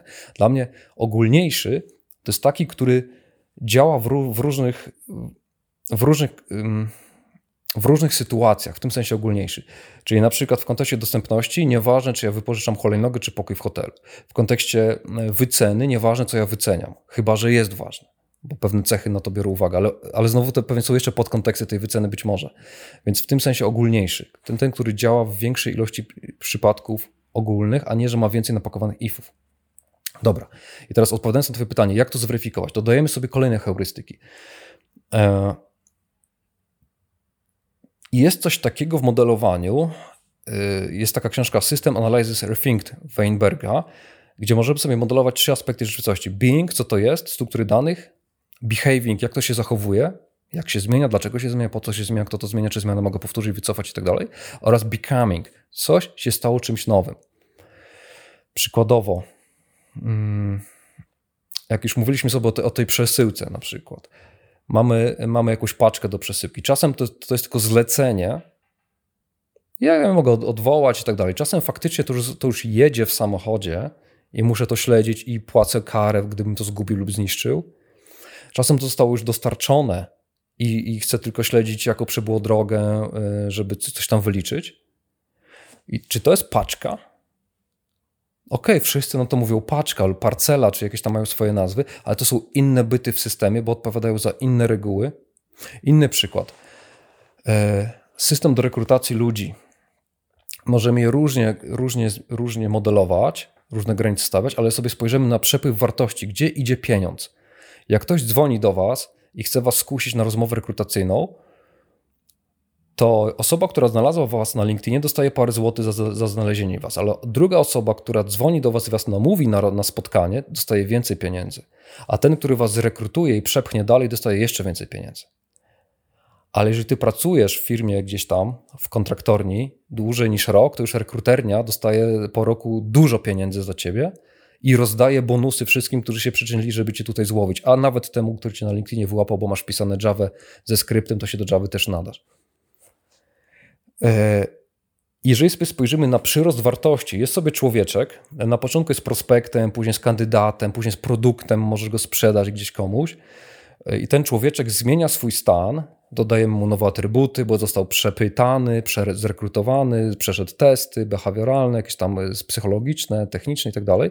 Ten człowieczek to nie jest person, który ma milion relacji dookoła siebie. Nie, nie, nie. To jest w porządnie zaprojektowanym systemie, to są inne konteksty, jest inna klasa zupełnie. Ona ma inne zachowania, inne dane w sobie. Oczywiście gdzieś tam może być kontekst danych osobowych tej osoby, gdzie wszyscy mają ID do tych danych osobowych, żeby mógł z każdego kontekstu się z tobą e, umówić, skontaktować, ale możemy sobie też patrzeć na becoming, coś się staje czymś nowym, nowym bytem. Kolejna heurystyka, e, jak już mam wyciągnięte te poddomeny, czyli czas, cały czas mówię o świecie rzeczywistym jeszcze, to pytam, czy jakbym tą poddomenę zamknął w produkt informatyczny, to sprzedał, czy, czy, czy ktoś by miał z tego wartość? Jakbym wziął tą poddomenę do, do trasówek, do planowania tras, jeszcze bez żadnych wyceny, same trasy, czy ktoś by to kupił, by się z tego cieszył? No pewnie, że tak. A jakbym miał moduł do, do wyceniania, czy by kupił, by się cieszył? No pewnie, że tak. Jakbym miał moduł i do, i do trasówek, i do wyceny, i do sprzedaży, to by się cieszył? No jeszcze bardziej. Jeszcze jakbym to kawką zintegrował ze sobą, to żeby po prostu na rzadko by było ze szczęścia. Więc to są te heurystyki. Teraz jak kolejną, kolejną z nich dokładam, to zaczynają mi się te, te, te poddomeny jeszcze bardziej zawężać i mam wtedy jeszcze mniejsze szanse na pomyłkę. Kropka. Koniec poddomen. Teraz zaczynam tworzyć bounded konteksty, czyli moje rozwiązanie. I teraz pytałeś, jak się upewnić, czy one mają dobre granice. No to już mówię. Pierwszy mój strzał, jeden do jednego. Poddomena równa się bounded context. Super. Następnie patrzę, jakie reguły ja muszę ochronić, jakie dane potrzebuję, żeby, żeby opierdzielić wszystkie zdarzenia, które są związane z, ty, z tym kontekstem. Bo mam zdarzenie ze strony Zdarzenie, czyli zmiana stanu, a stanu, czyli danych. Czy mogę je zmienić? A zależy od reguły. A reguły potrzebują nowych danych, żeby to sprawdzić. Jak sobie tak na to popatrzę, to zaczynam wnioskować, że być może jeden bounded context jest w stanie mi obsłużyć kilka poddomen. Ale tutaj znowuż mogłem się pomylić. Jest taki cały sport, cała dyscyplina, która się nazywa destylacja kontekstów. Destylacja, czyli pozbywanie się niepotrzebnych rzeczy. Już na poziomie kodu komenda zamieni mi się na serwis albo na command handler. Ja się będę pytał, zaraz, jeżeli jest na przykład w tym kontekście wyliczania trasy, samochód, wchodzi w komendzie ID samochodu i wchodzi jego typ. Ja się pytam zaraz, czy typ jest potrzebny do wyliczenia trasy? No tak, no bo od typu zależy no, wysokość jego i, i, yy, i czy się zmieści pod mostem. No ale zaraz, to jest ważna wysokość czy typ samochodu? Umówmy się. Nagle okaże się, nie no, wysokość, bo może być inny typ, ale przerobiony, ale dodatkowy ładunek i właściwie wysokość nie wynika z typu samochodu, tylko z ładunku. No właśnie. Widzicie, pogłębia moje pytanie. Trasówka nie zależy od typu samochodu. Wyrzucam słowo typ z tego kontekstu, nie zapraszam go tutaj do tego kontekstu, jest mi niepotrzebne, ale wysokość jest mi potrzebna. Tylko to wpuszczam tutaj. Weźmy ten mój przykład, którym się wszyscy posługują, mniej czy bardziej umiejętnie. Dostępność. Czy dostępność, przykładowo, rezerwujemy pokój w hotelu. Czy dostępność zależy od pokoju? Że jest to pokój? No tak, no, rezerwujemy pokoje. A jeżeli byś rezerwował łóżko w hostelu, to jest to jakaś różnica? No łóżko to nie jest pokój. No właśnie, ale czy dostępność łóżka i pokoju to czymś się różni? No nie. No właśnie. Czy jakiś item, czy nagle zaczynam wydestylowywać stąd te słowa zupełnie niepotrzebne i tak dalej, i tak dalej. I kolejna rzecz, którą robię, już taka techniczna, bo mój bounded context to jest rozwiązanie techniczne, model techniczny. Na koniec dnia jacyś smutni ludzie będą musieli to wyrzeźbić. I albo będą rzeźbić eleganckim narzędziem, albo będą rzeźbić paznokciami w rzadkim G i będzie tak zwana koproplastyka. I będą tylko tam chuchać, żeby trochę y, odsuszyć wodę i żeby się troszkę bardziej lepiło. Nie wiem, czy wiecie, o jakich projektach myślę, ale pewnie każdy kiedyś był w koproplastyce. I może się okazać, że moje konteksty będą nieumiejętnie wydzielone i na poziomie technicznym będę miał takie, taki antywzorzec architektoniczny feature envy albo data envy konteksty, czyli technicznie już moduły, będą zazdrościć sobie danych albo feature'y, będą ciągle ze sobą rozmawiać. Oczywiście dla działu technicznego to jest niesamowity moment, żeby zapaść na onanizm techniczny i wpierdzieć kawkę wszędzie, gdzie się da, żeby tymi zdarzeniami wymieniać dane między kontekstami, ale może zatrzymajmy się, może te konteksty są źle, kurde, podzielone. Wiesz co, tak właśnie próbuję sobie to przemapować, to co mówisz, na, na, na ten przykład z, z, jakby z wyceną w tym naszym systemie do przewozu, o którym sobie tutaj wcześniej za, za, porozmawialiśmy i jednocześnie przemapować to też na ten problem z biblioteką, nie? Bo tutaj był idea taka, że, że ok, potencjalnie mógłbym tego mechanizmu wyceny użyć w jednym i w drugim jakby obszarze biznesowym. No i teraz tak, zobaczmy, co wchodzi na wejściu y, z każdej, z, każdej, z każdej ze stron, każdym z tych projektów. W jednym, mm, w tej bibliotece, no to kwestia opóźnienia, nie? Pewnie potrzebuję sobie tutaj pomyśleć o opóźnieniu tego, w, tym zwrocie, więc może to w sumie z, całe wypożyczenie mi wejdzie tutaj do, jako, wiesz, parametr wejściowy, no bo tam będę wiedział, kiedy to, to, to zostało wypożyczone, kiedy było zwrócone, kto to zrobił i tak dalej, i tak dalej przypadku tego systemu, wiesz, gdzie wyceniamy y, tą, tą, tą kilometrówkę, no to w sumie potrzebuje całą trasę, nie? Kto będzie jechał, y, gdzie startuje, gdzie, gdzie, gdzie dojeżdża i, i, i tak dalej. I tak wiesz, zastanawiając się, wiesz, dokładnie do jednego tworząc, odtwarzając twój tok rozumowania, no to w sumie mógłbym się zastanowić, nie? Czy, czy ta wycena zależy od tego, jaki kierowca na przykład jedzie. No, być może nie. Czy to zależy na przykład od tego, czy on startuje, nie wiem, z Warszawy do Poznania, czy z Poznania do Warszawy? No, może nie i tak dalej, tak dalej. W sumie jakbym się zaczął zastanawiać tak realnie, nie? od czego faktycznie to zależy, to w jednym momencie mogę dojść do tego, że ok, to zależy od y, tej samej trasy, ile tam kilometrów było przejechane, a w przypadku biblioteki, jakie było opóźnienie w, w kontekście ilości dni. Nie? Czyli mógłbym tak naprawdę tutaj, wiesz, podestylować to w ten sposób, że na końcu dojdę tak naprawdę, że jedyne od czego zależy odpowiedź, ile mam tutaj zapłacić, y, czy też ile mnie, mnie to będzie kosztowało, o może, może tak to, to bym ujął, to jest ilość.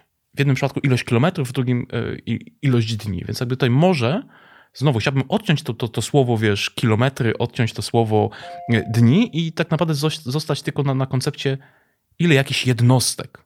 Nie? Mhm. I, I w sumie nagle, wiesz, jakby ten kontekst, który tutaj jakby się zarysował, jest nagle dosyć, dosyć mocno uniwersalny. Nie? To, naprawdę, tego mogę się zacząć zastanawiać, nie? czy ten parametr opisujący ile tam tych, tych, tych jakichś, nie wiem, zasobów zostało wykorzystanych, czy zostanie wykorzystanych pod tytułem kilometry czy, czy, czy dni do, do opłaty, to jest integer czy float, czy może jakaś tam inna, inna wartość. Mhm. Właśnie, bo to pierwszy, pierwsza dyscyplina, którą zrobiłeś, to od, odwalanie niepotrzebnych danych, to jest nic innego jak interface segregation, zasada interface segregation Solida, tylko zastosowana na wyższym poziomie. A druga rzecz, którą zrobiłeś, to było mamy dwie techniki modelowania: uogólnienie i wyabstrahowanie. Tak? Uogólnienie jest wtedy, gdy na przykład masz fakturę, zamówienie, wydanie magazynowe i sobie uogólniasz, że jest to dokument. Uogólniam. Uogólniając tracę pewne, pewną specyfikę. Ale to, co ty zrobiłeś, wyabstrahowałeś. Tak? I kilometry, i ilość, ilość yy, dni zwłoki, tak? Nie ogólniłeś, tylko, tylko wyabstrahowałeś w inną reprezentację jeszcze. Mhm. I, i, te, I te poddomeny, yy, czy, czy już bound kontekstu, mówiąc już rozwiązaniem, gdzie dokonujemy tego wyabstrahowania, a wcześniej uwalenia niepotrzebnych informacji, one stają się nagle, nagle generycznymi i nagle widzimy, że mamy tak zwane archetypy modeli biznesowych. To wszystko zostało rozpisane 40 lat temu w książkach, skatalogowane i można to wziąć na gotowo używać. No, co z drugiej strony powoduje, powoduje, że troszeczkę nasze, wiesz, nasze działania w projektach często są, nie chcę powiedzieć, że odtwórcze, nie? Ale, ale y, jakby można by czerpać garściami no, wiesz, z tej przeszłości. To, co wspomniałeś, wiesz, o Weinbergu, nie? O tych trzech perspektywach, nie? To jest coś, co robi zawsze niesamowitą robotę. Jak się tak człowiek zastanowi i zacznie sobie rozpisywać, nie? Właśnie te trzy perspektywy. Mm, dla mnie takim faktycznie momentem, y, no powiem ci, wydaje się, że jakimś tam przełomowym było właśnie odkrycie Weinberga, nie? Natomiast facet się okazał na tyle płodny, że tych książek tam naprodukował całkiem, całkiem spore Kilkanaście. ilości. Na mojej półce. Nie ma go na, na mojej półce w ogóle. No, na mojej półce wstydu, wiesz, nieprzeczytanych książek, no jeszcze tam kilka pozycji Weinberga jest. To powiem Ci jeszcze, y, kończąc odpowiedź na pytanie, jak sprawdzić y, granice kontekstów, jeszcze jedna heurystyka, której używam już na poziomie bounded kontekstów, czyli mojego modelu rozwiązania, stosuję zasadę pojedynczego źródła prawdy. Single source of truth, zaczerpniętą SOA, ale tak naprawdę mikroserwisy też z tego czerpią. Do, dobrze zrobiono. O co chodzi? Gdybym moje konteksty zamienił powiedzmy jeden do jednego w moduły, często tak nie jest. Często kontekst jest implementowany jako kilka modułów, bo chodzą mi tutaj dodatkowe drivery architektoniczne, ale o tym już nie będziemy mówić. Weźmy sobie uproszczenie. Bounded context równa się jeden moduł w uproszczeniu. No i jeżeli mam kilka bounded kontekstów źle, źle, źle podzielonych, to moje moduły będą ze sobą agresywnie rozmawiać, czy serwisami, czy zdarzeniami. Będzie ten data envy i feature envy.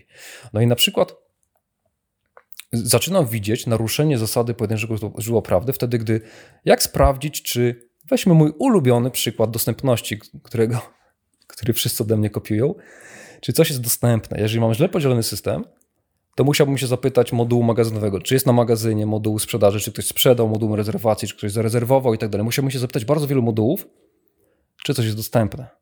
Yy, pewne składowe tej prawdy, żeby wiedzieć, czy suma summarum jakaś rzecz jest dostępna. Yy, w przykładzie z, z paczką, gdzie jest teraz paczka, a musiałbym zapytać, czy, czy w module załadunku załadowana, a czy może w module uszkodzeń jest uszkodzona i tak dalej, i tak dalej. Nie? I wtedy moje, moje mikroserwisy musiałby się ciągle dopytywać, a jakby się skończyły pytać, jeden mikroserwis pyta 15 o jakieś rzeczy, jak się spytał 15, to już pierwszy ma nieświeżą informację. Czyli widzę, że naruszyłem zasadę pojedynczego źródła prawdy, która brzmi, powinien istnieć jedno, jedyne źródło prawdy w, odp w odpowiedzi na, jakąś, e, na jakieś pytanie biznesowe, czy to jest dostępne, gdzie jest paczka, ile to kosztuje.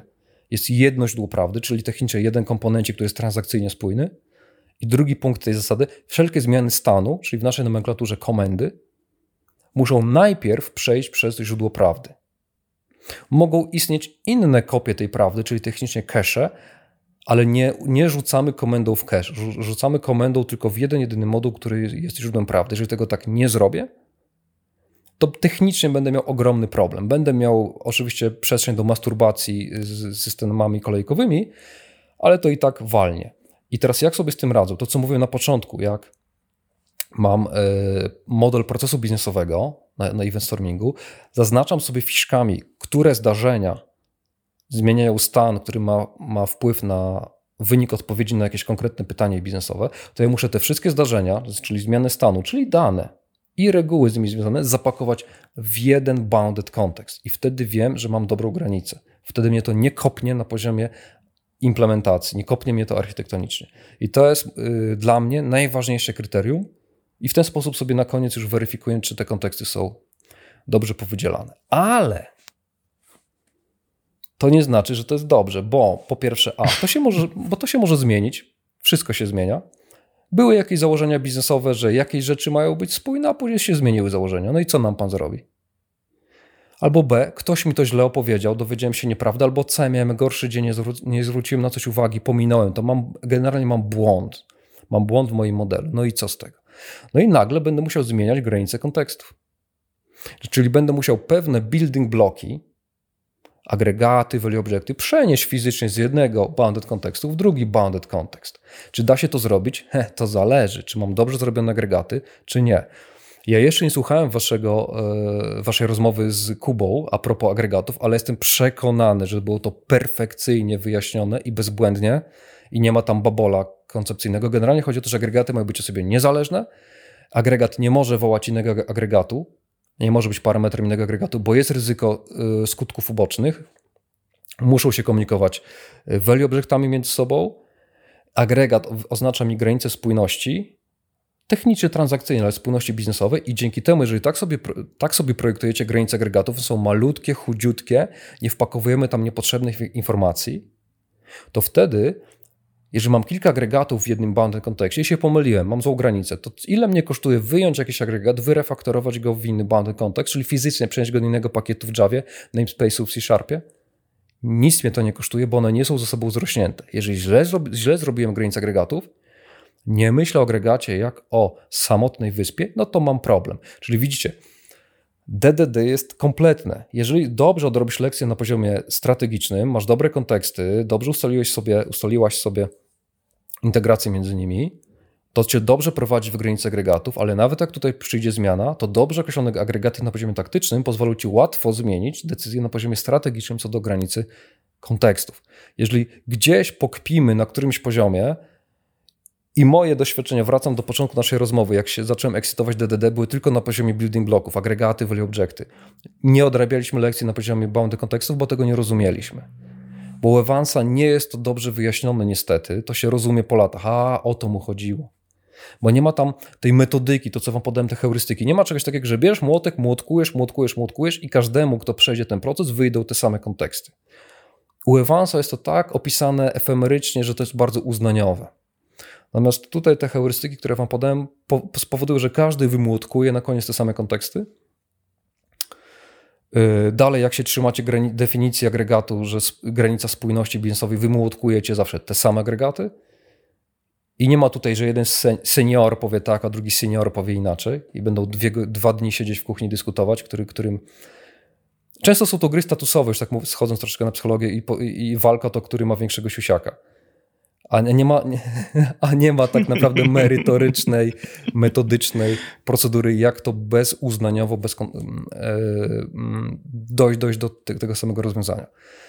Jego powiem ci, Sławek, że, że, że w momencie, kiedy tam, wiesz, zacząłeś tutaj weryfikować, czy, czy dobrze y, z Kubą opowiadaliśmy, aż mi się ciepło zrobiło, zacząłem przebiegać myślami, czy my przypadkiem czegoś nie przekłamaliśmy, ale nie, wszystko się zgadza dokładnie z tym, co powiedziałeś. Ja to sprawdzę. Y, Słuchaj, ostatnie pytanie mam, mam, mam do ciebie, bo zakładając, że udało nam się faktycznie znaleźć y, te, te wszystkie i subdomeny, i bandit konteksty, i, i użyliśmy tych wszystkich heurystyk, o których tutaj powiedzieliśmy, których było naprawdę tutaj troszeczkę, nie? to jakby w jaki sposób jeszcze e, moglibyśmy uniknąć e, takiej sytuacji, że coś jeszcze tutaj pójdzie nie tak. I tutaj mam na myśli, wiesz, jakby już takie aspekty implementacyjne w ujęciu organizacji. Nie wiadomo, że bardzo często się zdarza, że, że pracujemy, wiesz, nie w jednym zespole, tylko w kilku zespołach, że nasza praca jest dystrybuowana pomiędzy kilka, kilka teamów, nie? I mhm. teraz, e, wiesz, i krótko mówiąc, zmierzam do prawa Conwaya? Co moglibyśmy zrobić, żeby się nie nadziać właśnie na ten problem, że zaczniemy pewne elementy ze struktury naszej organizacji przenosić jeszcze na nasze, na nasze tej y, aspekty implementacyjne i to, jak my chcemy to, to rozwiązanie zaimplementować. Wiesz, czy, czy, czy to, co powiedziałeś, jest wystarczające, żeby uniknąć tego, tego, tego błędu? Nie? Czy jeszcze moglibyśmy coś, coś wziąć pod uwagę, żeby y, przypadkowo sobie nie naszkodzić? Właśnie, bo jeżeli nie, w, nie wejdziemy w głęboką analizę, bo to, co Wam powiedziałem, to jest analiza. To, że ktoś sobie przyjdzie i zbierze wymagania i je zapisze na kartce, to nie jest analiza, to jest spisywanie. Jeżeli ktoś wymagania wypunktuje, to nie jest analiza, to jest formatowanie tekstu.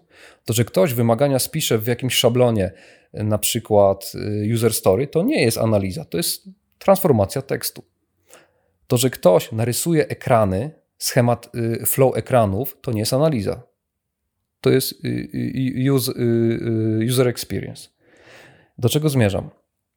Często analiza poprzestaje tylko na tym, że sobie narysujemy proces, narysujemy sobie ekrany. Jeżeli na to popatrzymy tak naiwnie, na proces, to zwykle pionowymi kreskami potniemy to na moduły. Nie sprawdzimy, czy przypadkiem nie ma tam feature envy czy data envy i braku spełniania reguły pojedynczego źródła prawdy wyjdzie nam to na produkcji za x miesięcy czy x lat i będzie smuteczek i nasi ludzie będą się zwalniać albo będą mieli jakieś wypalenia i takie smutne różne rzeczy. I przytulanie drzew i robienie bal, ba, balów yy, z przebieraniem się za pszczółkę maje nie, nie pomaga zbyt, na zbyt długo w organizacji. I teraz, dlaczego o tym mówię? Bo zapytałeś na, na poziomie organizacyjnym. To, co jest bardzo, bardzo, bardzo smutne, to wielu analityków, architektów nie kojarzy prawa Conwaya, który jest antywzorcem. Tak? To jest takie prawo przyrody, które mówi, dlaczego jest źle. I brzmi ono, każdy agile coach zmienia to, bo nic z tego nie rozumie, ale oryginalnie brzmi to w ten sposób. Architektura systemu jest pochodną szlaków komunikacyjnych, komunikacyjnych w organizacji. I teraz, jeżeli organizacja ma nieoptymalny sposób działania, to jak zamodulujemy ją jeden do jednego procesami, to będziemy mieli w architekturze tą kawkę, która przewala te zdarzenia w każdą stronę i nic to nie pomaga. I powiem Wam coś takiego. Jak ja mam prezentację o event stormingu, tym, tym y, procesowym i strategicznym dla top managementu na konferencjach, gdzie przychodzą panowie w garniturach i panie w garsonkach, i pokazujemy właśnie naruszenie pojedynczego źródła prawdy, nie technicznie między mikroserwisami, ale po prostu między kontekstami biznesowymi, to oni widać, siedzą na sali, kiwają głowami, przychodzą na przerwę i Panie Sławku, dokładnie w punkt Pan pokazał, my mamy ten problem, ale nie techniczny. Nasza organizacja nie wie, czy pacjent jest żywy. Żeby wiedzieć, czy pacjent jest żywy, musimy przejść po 15 działach organizacji, pokojach, czy piętrach, czy budynkach, żeby się tego dowiedzieć. Czy produkt jest dostępny? Nie wiemy. Musimy zapytać w 15 pokojach, czy jest dostępny. Więc oni tam są nie, niezoptymalizowani procesowo na swoim poziomie, i prawem Conwaya, jeżeli nic z tym nie zrobimy, przejdzie nam to na architekturę. I teraz na event stormingu my to widzimy. Event storming pokazuje te procesy, jak one teraz są, czyli modelowanie as is. Jak jest teraz. Czy to jest białkowo realizowany proces Excelem, telefonem, czy w starym systemie legacy modelujemy as is. Później modelujemy to be, jak powinno być. I optymalizujemy to. I nagle, nagle zobaczcie, my wtedy występujemy nie tylko w roli analiz, analityka systemowego, czyli ja projektuję system, ale też w, w roli analityka biznesowego, czyli ja jestem w stanie podpowiedzieć, jak ulepszyć, zoptymalizować ten biznes. I teraz albo oni skorzystają z tej wiedzy, albo nie.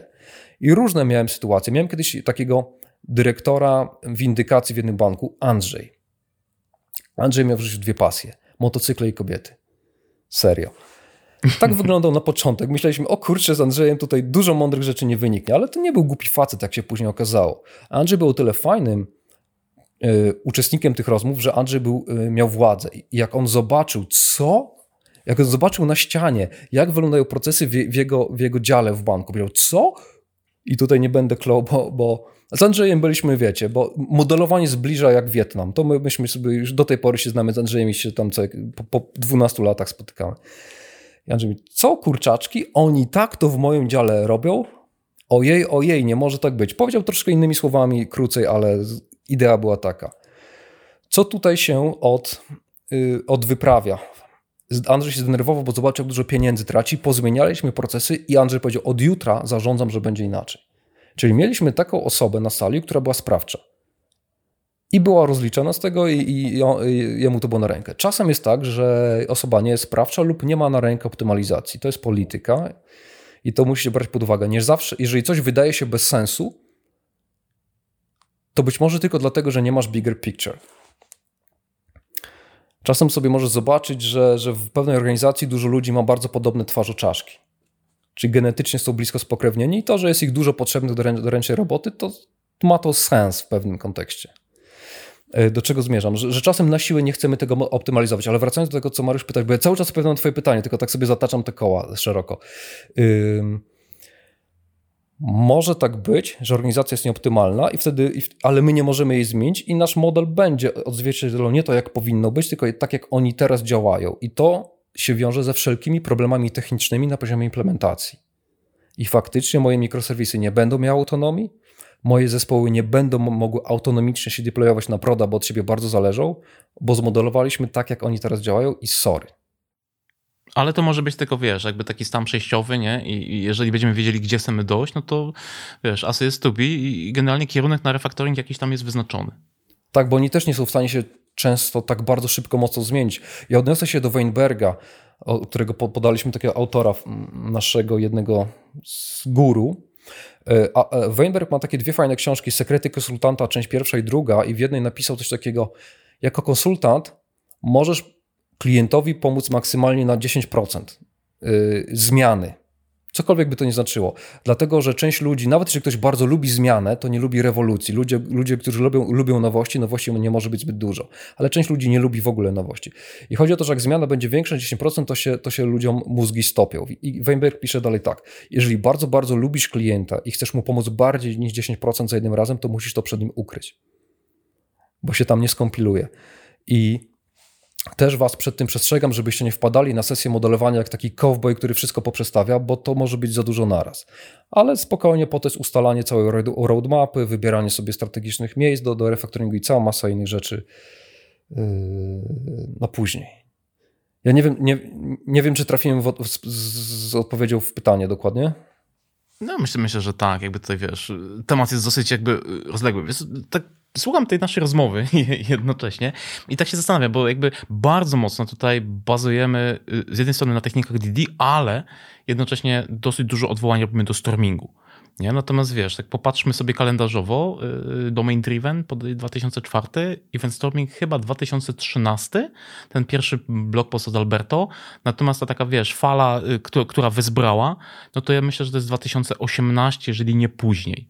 Nie dopiero od tego yy, technologii radaru ThoughtWorks, chyba 2019, to tak faktycznie jest taka eksplozja, nie? Jest, co się działo pomiędzy 2004 a 2013. Ale to jest, myślę, wiesz, no, jakby nie, nie idźmy w to, tak patrzę, patrzę kątem oka na zegarek, my już rozmawiamy półtorej godziny, e, więc jakby mam nadzieję, że, że słuchacze są jeszcze z nami i chyba będziemy mieli też kierunek, wiesz, żeby się zanurzyć w inne techniki e, tutaj modelowania, chociażby, wiesz, modeling Whirlpool i, i sobie kiedyś porozmawiać wspólnie także na te tematy. E, mam taką konkluzję tutaj gdzieś w głowie, że, że to, co się muszę jakby wyposażyć, jako, wiesz, osoba, która będzie odpowiedzialna albo współodpowiedzialna właśnie za, za znajdowanie tych, tych bounded contestów i ich modelowanie, to ja muszę przyswoić bardzo dużo heurystyk.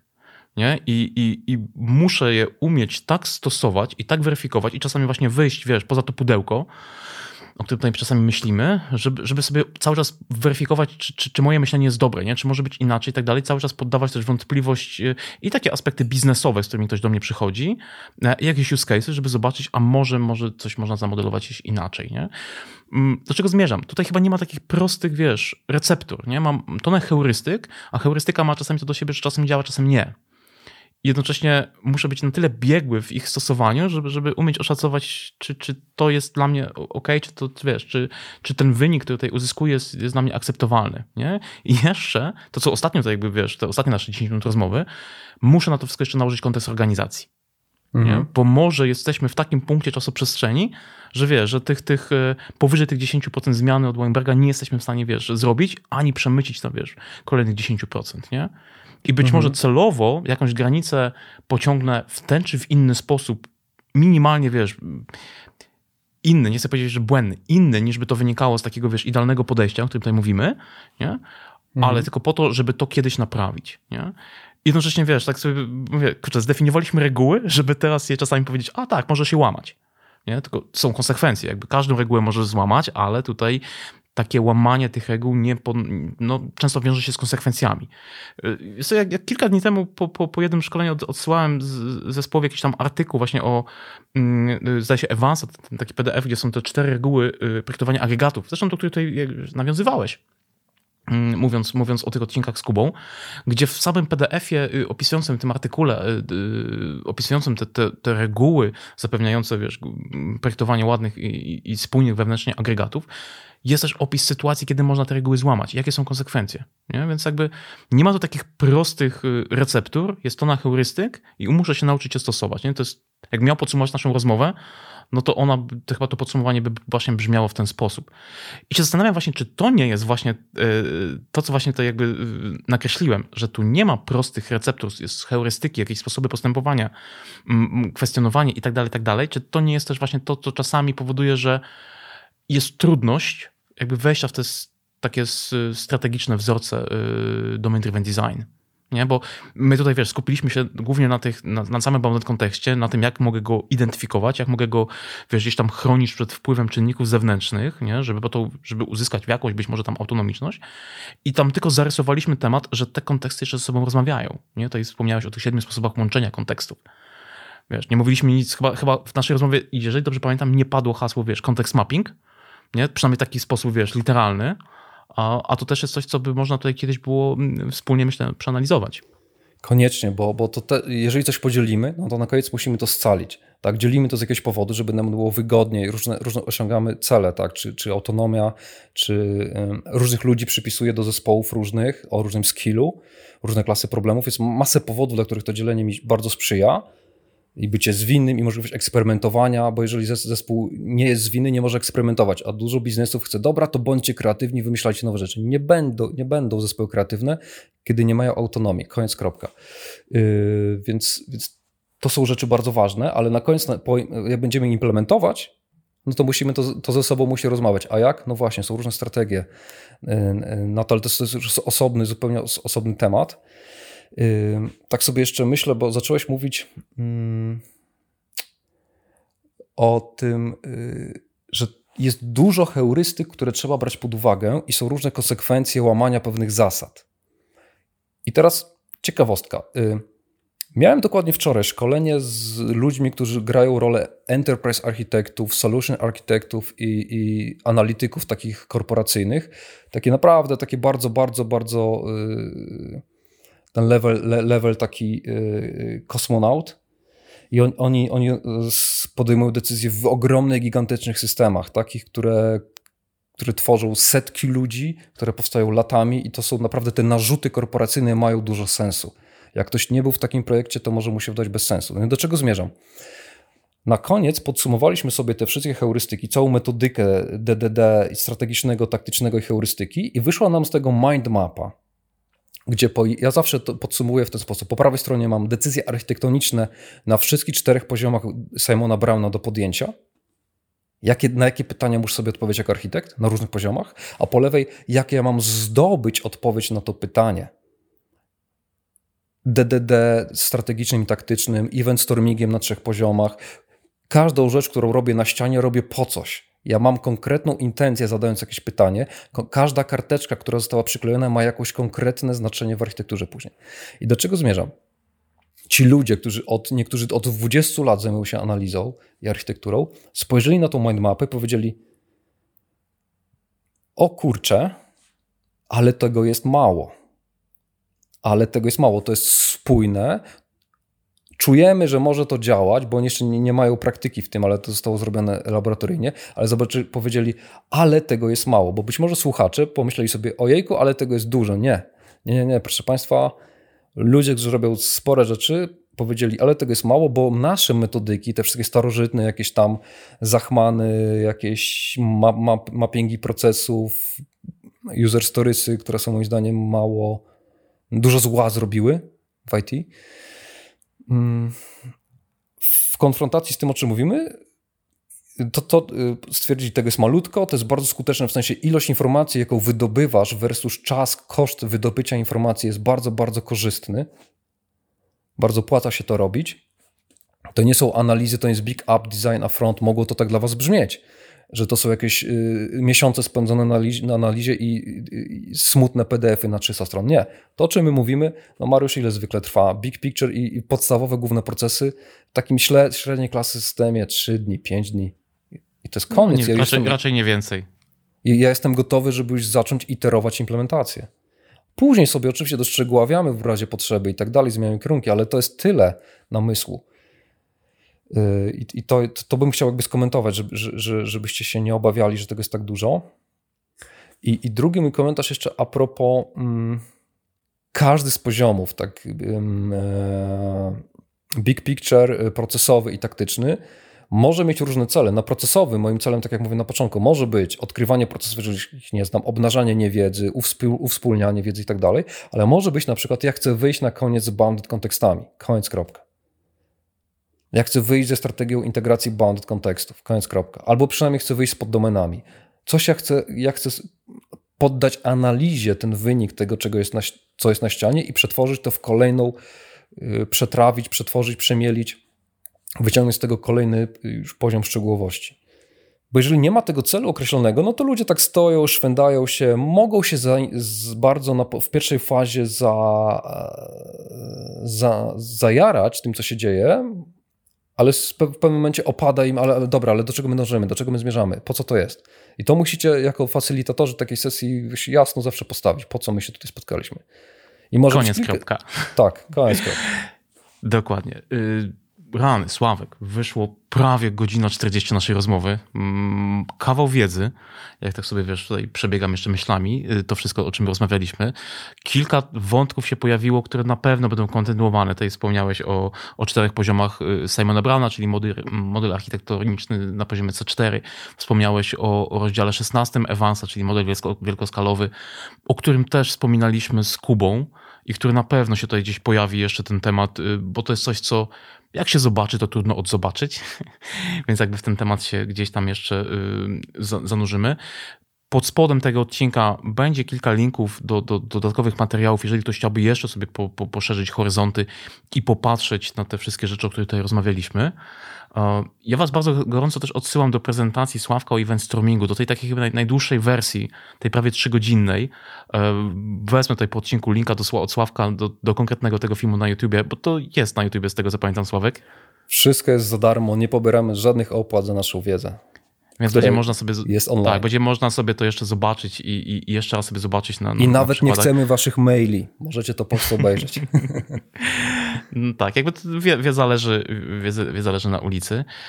No i co, Sławek, ja Ci bardzo dziękuję za, za, tutaj, za to, że przyjąłeś zaproszenie i, i za kawał solidnej tutaj dawki przekazanej naszym słuchaczom. Dzięki i do usłyszenia. Dzięki, ja dziękuję za zaproszenie i za to, że zajmujesz się szerzeniem, krzewieniem dobrych praktyk, bo to jest przyszłość tego kraju, moim zdaniem. I tak jeszcze na koniec, jeszcze tylko słowo komentarza. Y, chciałem podziękować z kolei Szymonowi, Adrianowi, Łukaszowi, Pawłowi i Konradowi, którzy przesłali do mnie y, na Instagramie, na Twitterze, na Facebooku kilka pytań, y, które zostały skierowane do Sławka dotyczące właśnie badań kontekstów. Jeżeli chcielibyście dowiedzieć się innych rzeczy, nie tylko o bandit kontekstach, nie tylko o agregatach, napiszcie do mnie, napiszcie do mnie w komentarzu, znajdźcie mnie na LinkedInie, znajdźcie mnie na Twitterze i po prostu wrzućcie mi pewien jakiś tam komentarz. Ja chętnie porozmawiam, chętnie się dowiem też, co Was interesuje, jakie jeszcze tematy moglibyśmy tutaj poruszyć y, z moimi gośćmi w Better Software Design. Zachęcam Was także do, do kliknięcia subskrybuj w Waszej ulubionej aplikacji podcastowej. Mm, no i chciałem Wam jeszcze raz gorąco podziękować za, za, za te wszystkie lajki, za wszystkie komentarze i za cały feedback, jaki mam ostatnio okazję dzięki temu podcastowi otrzymać. Dzięki i do usłyszenia. Do usłyszenia. Cześć.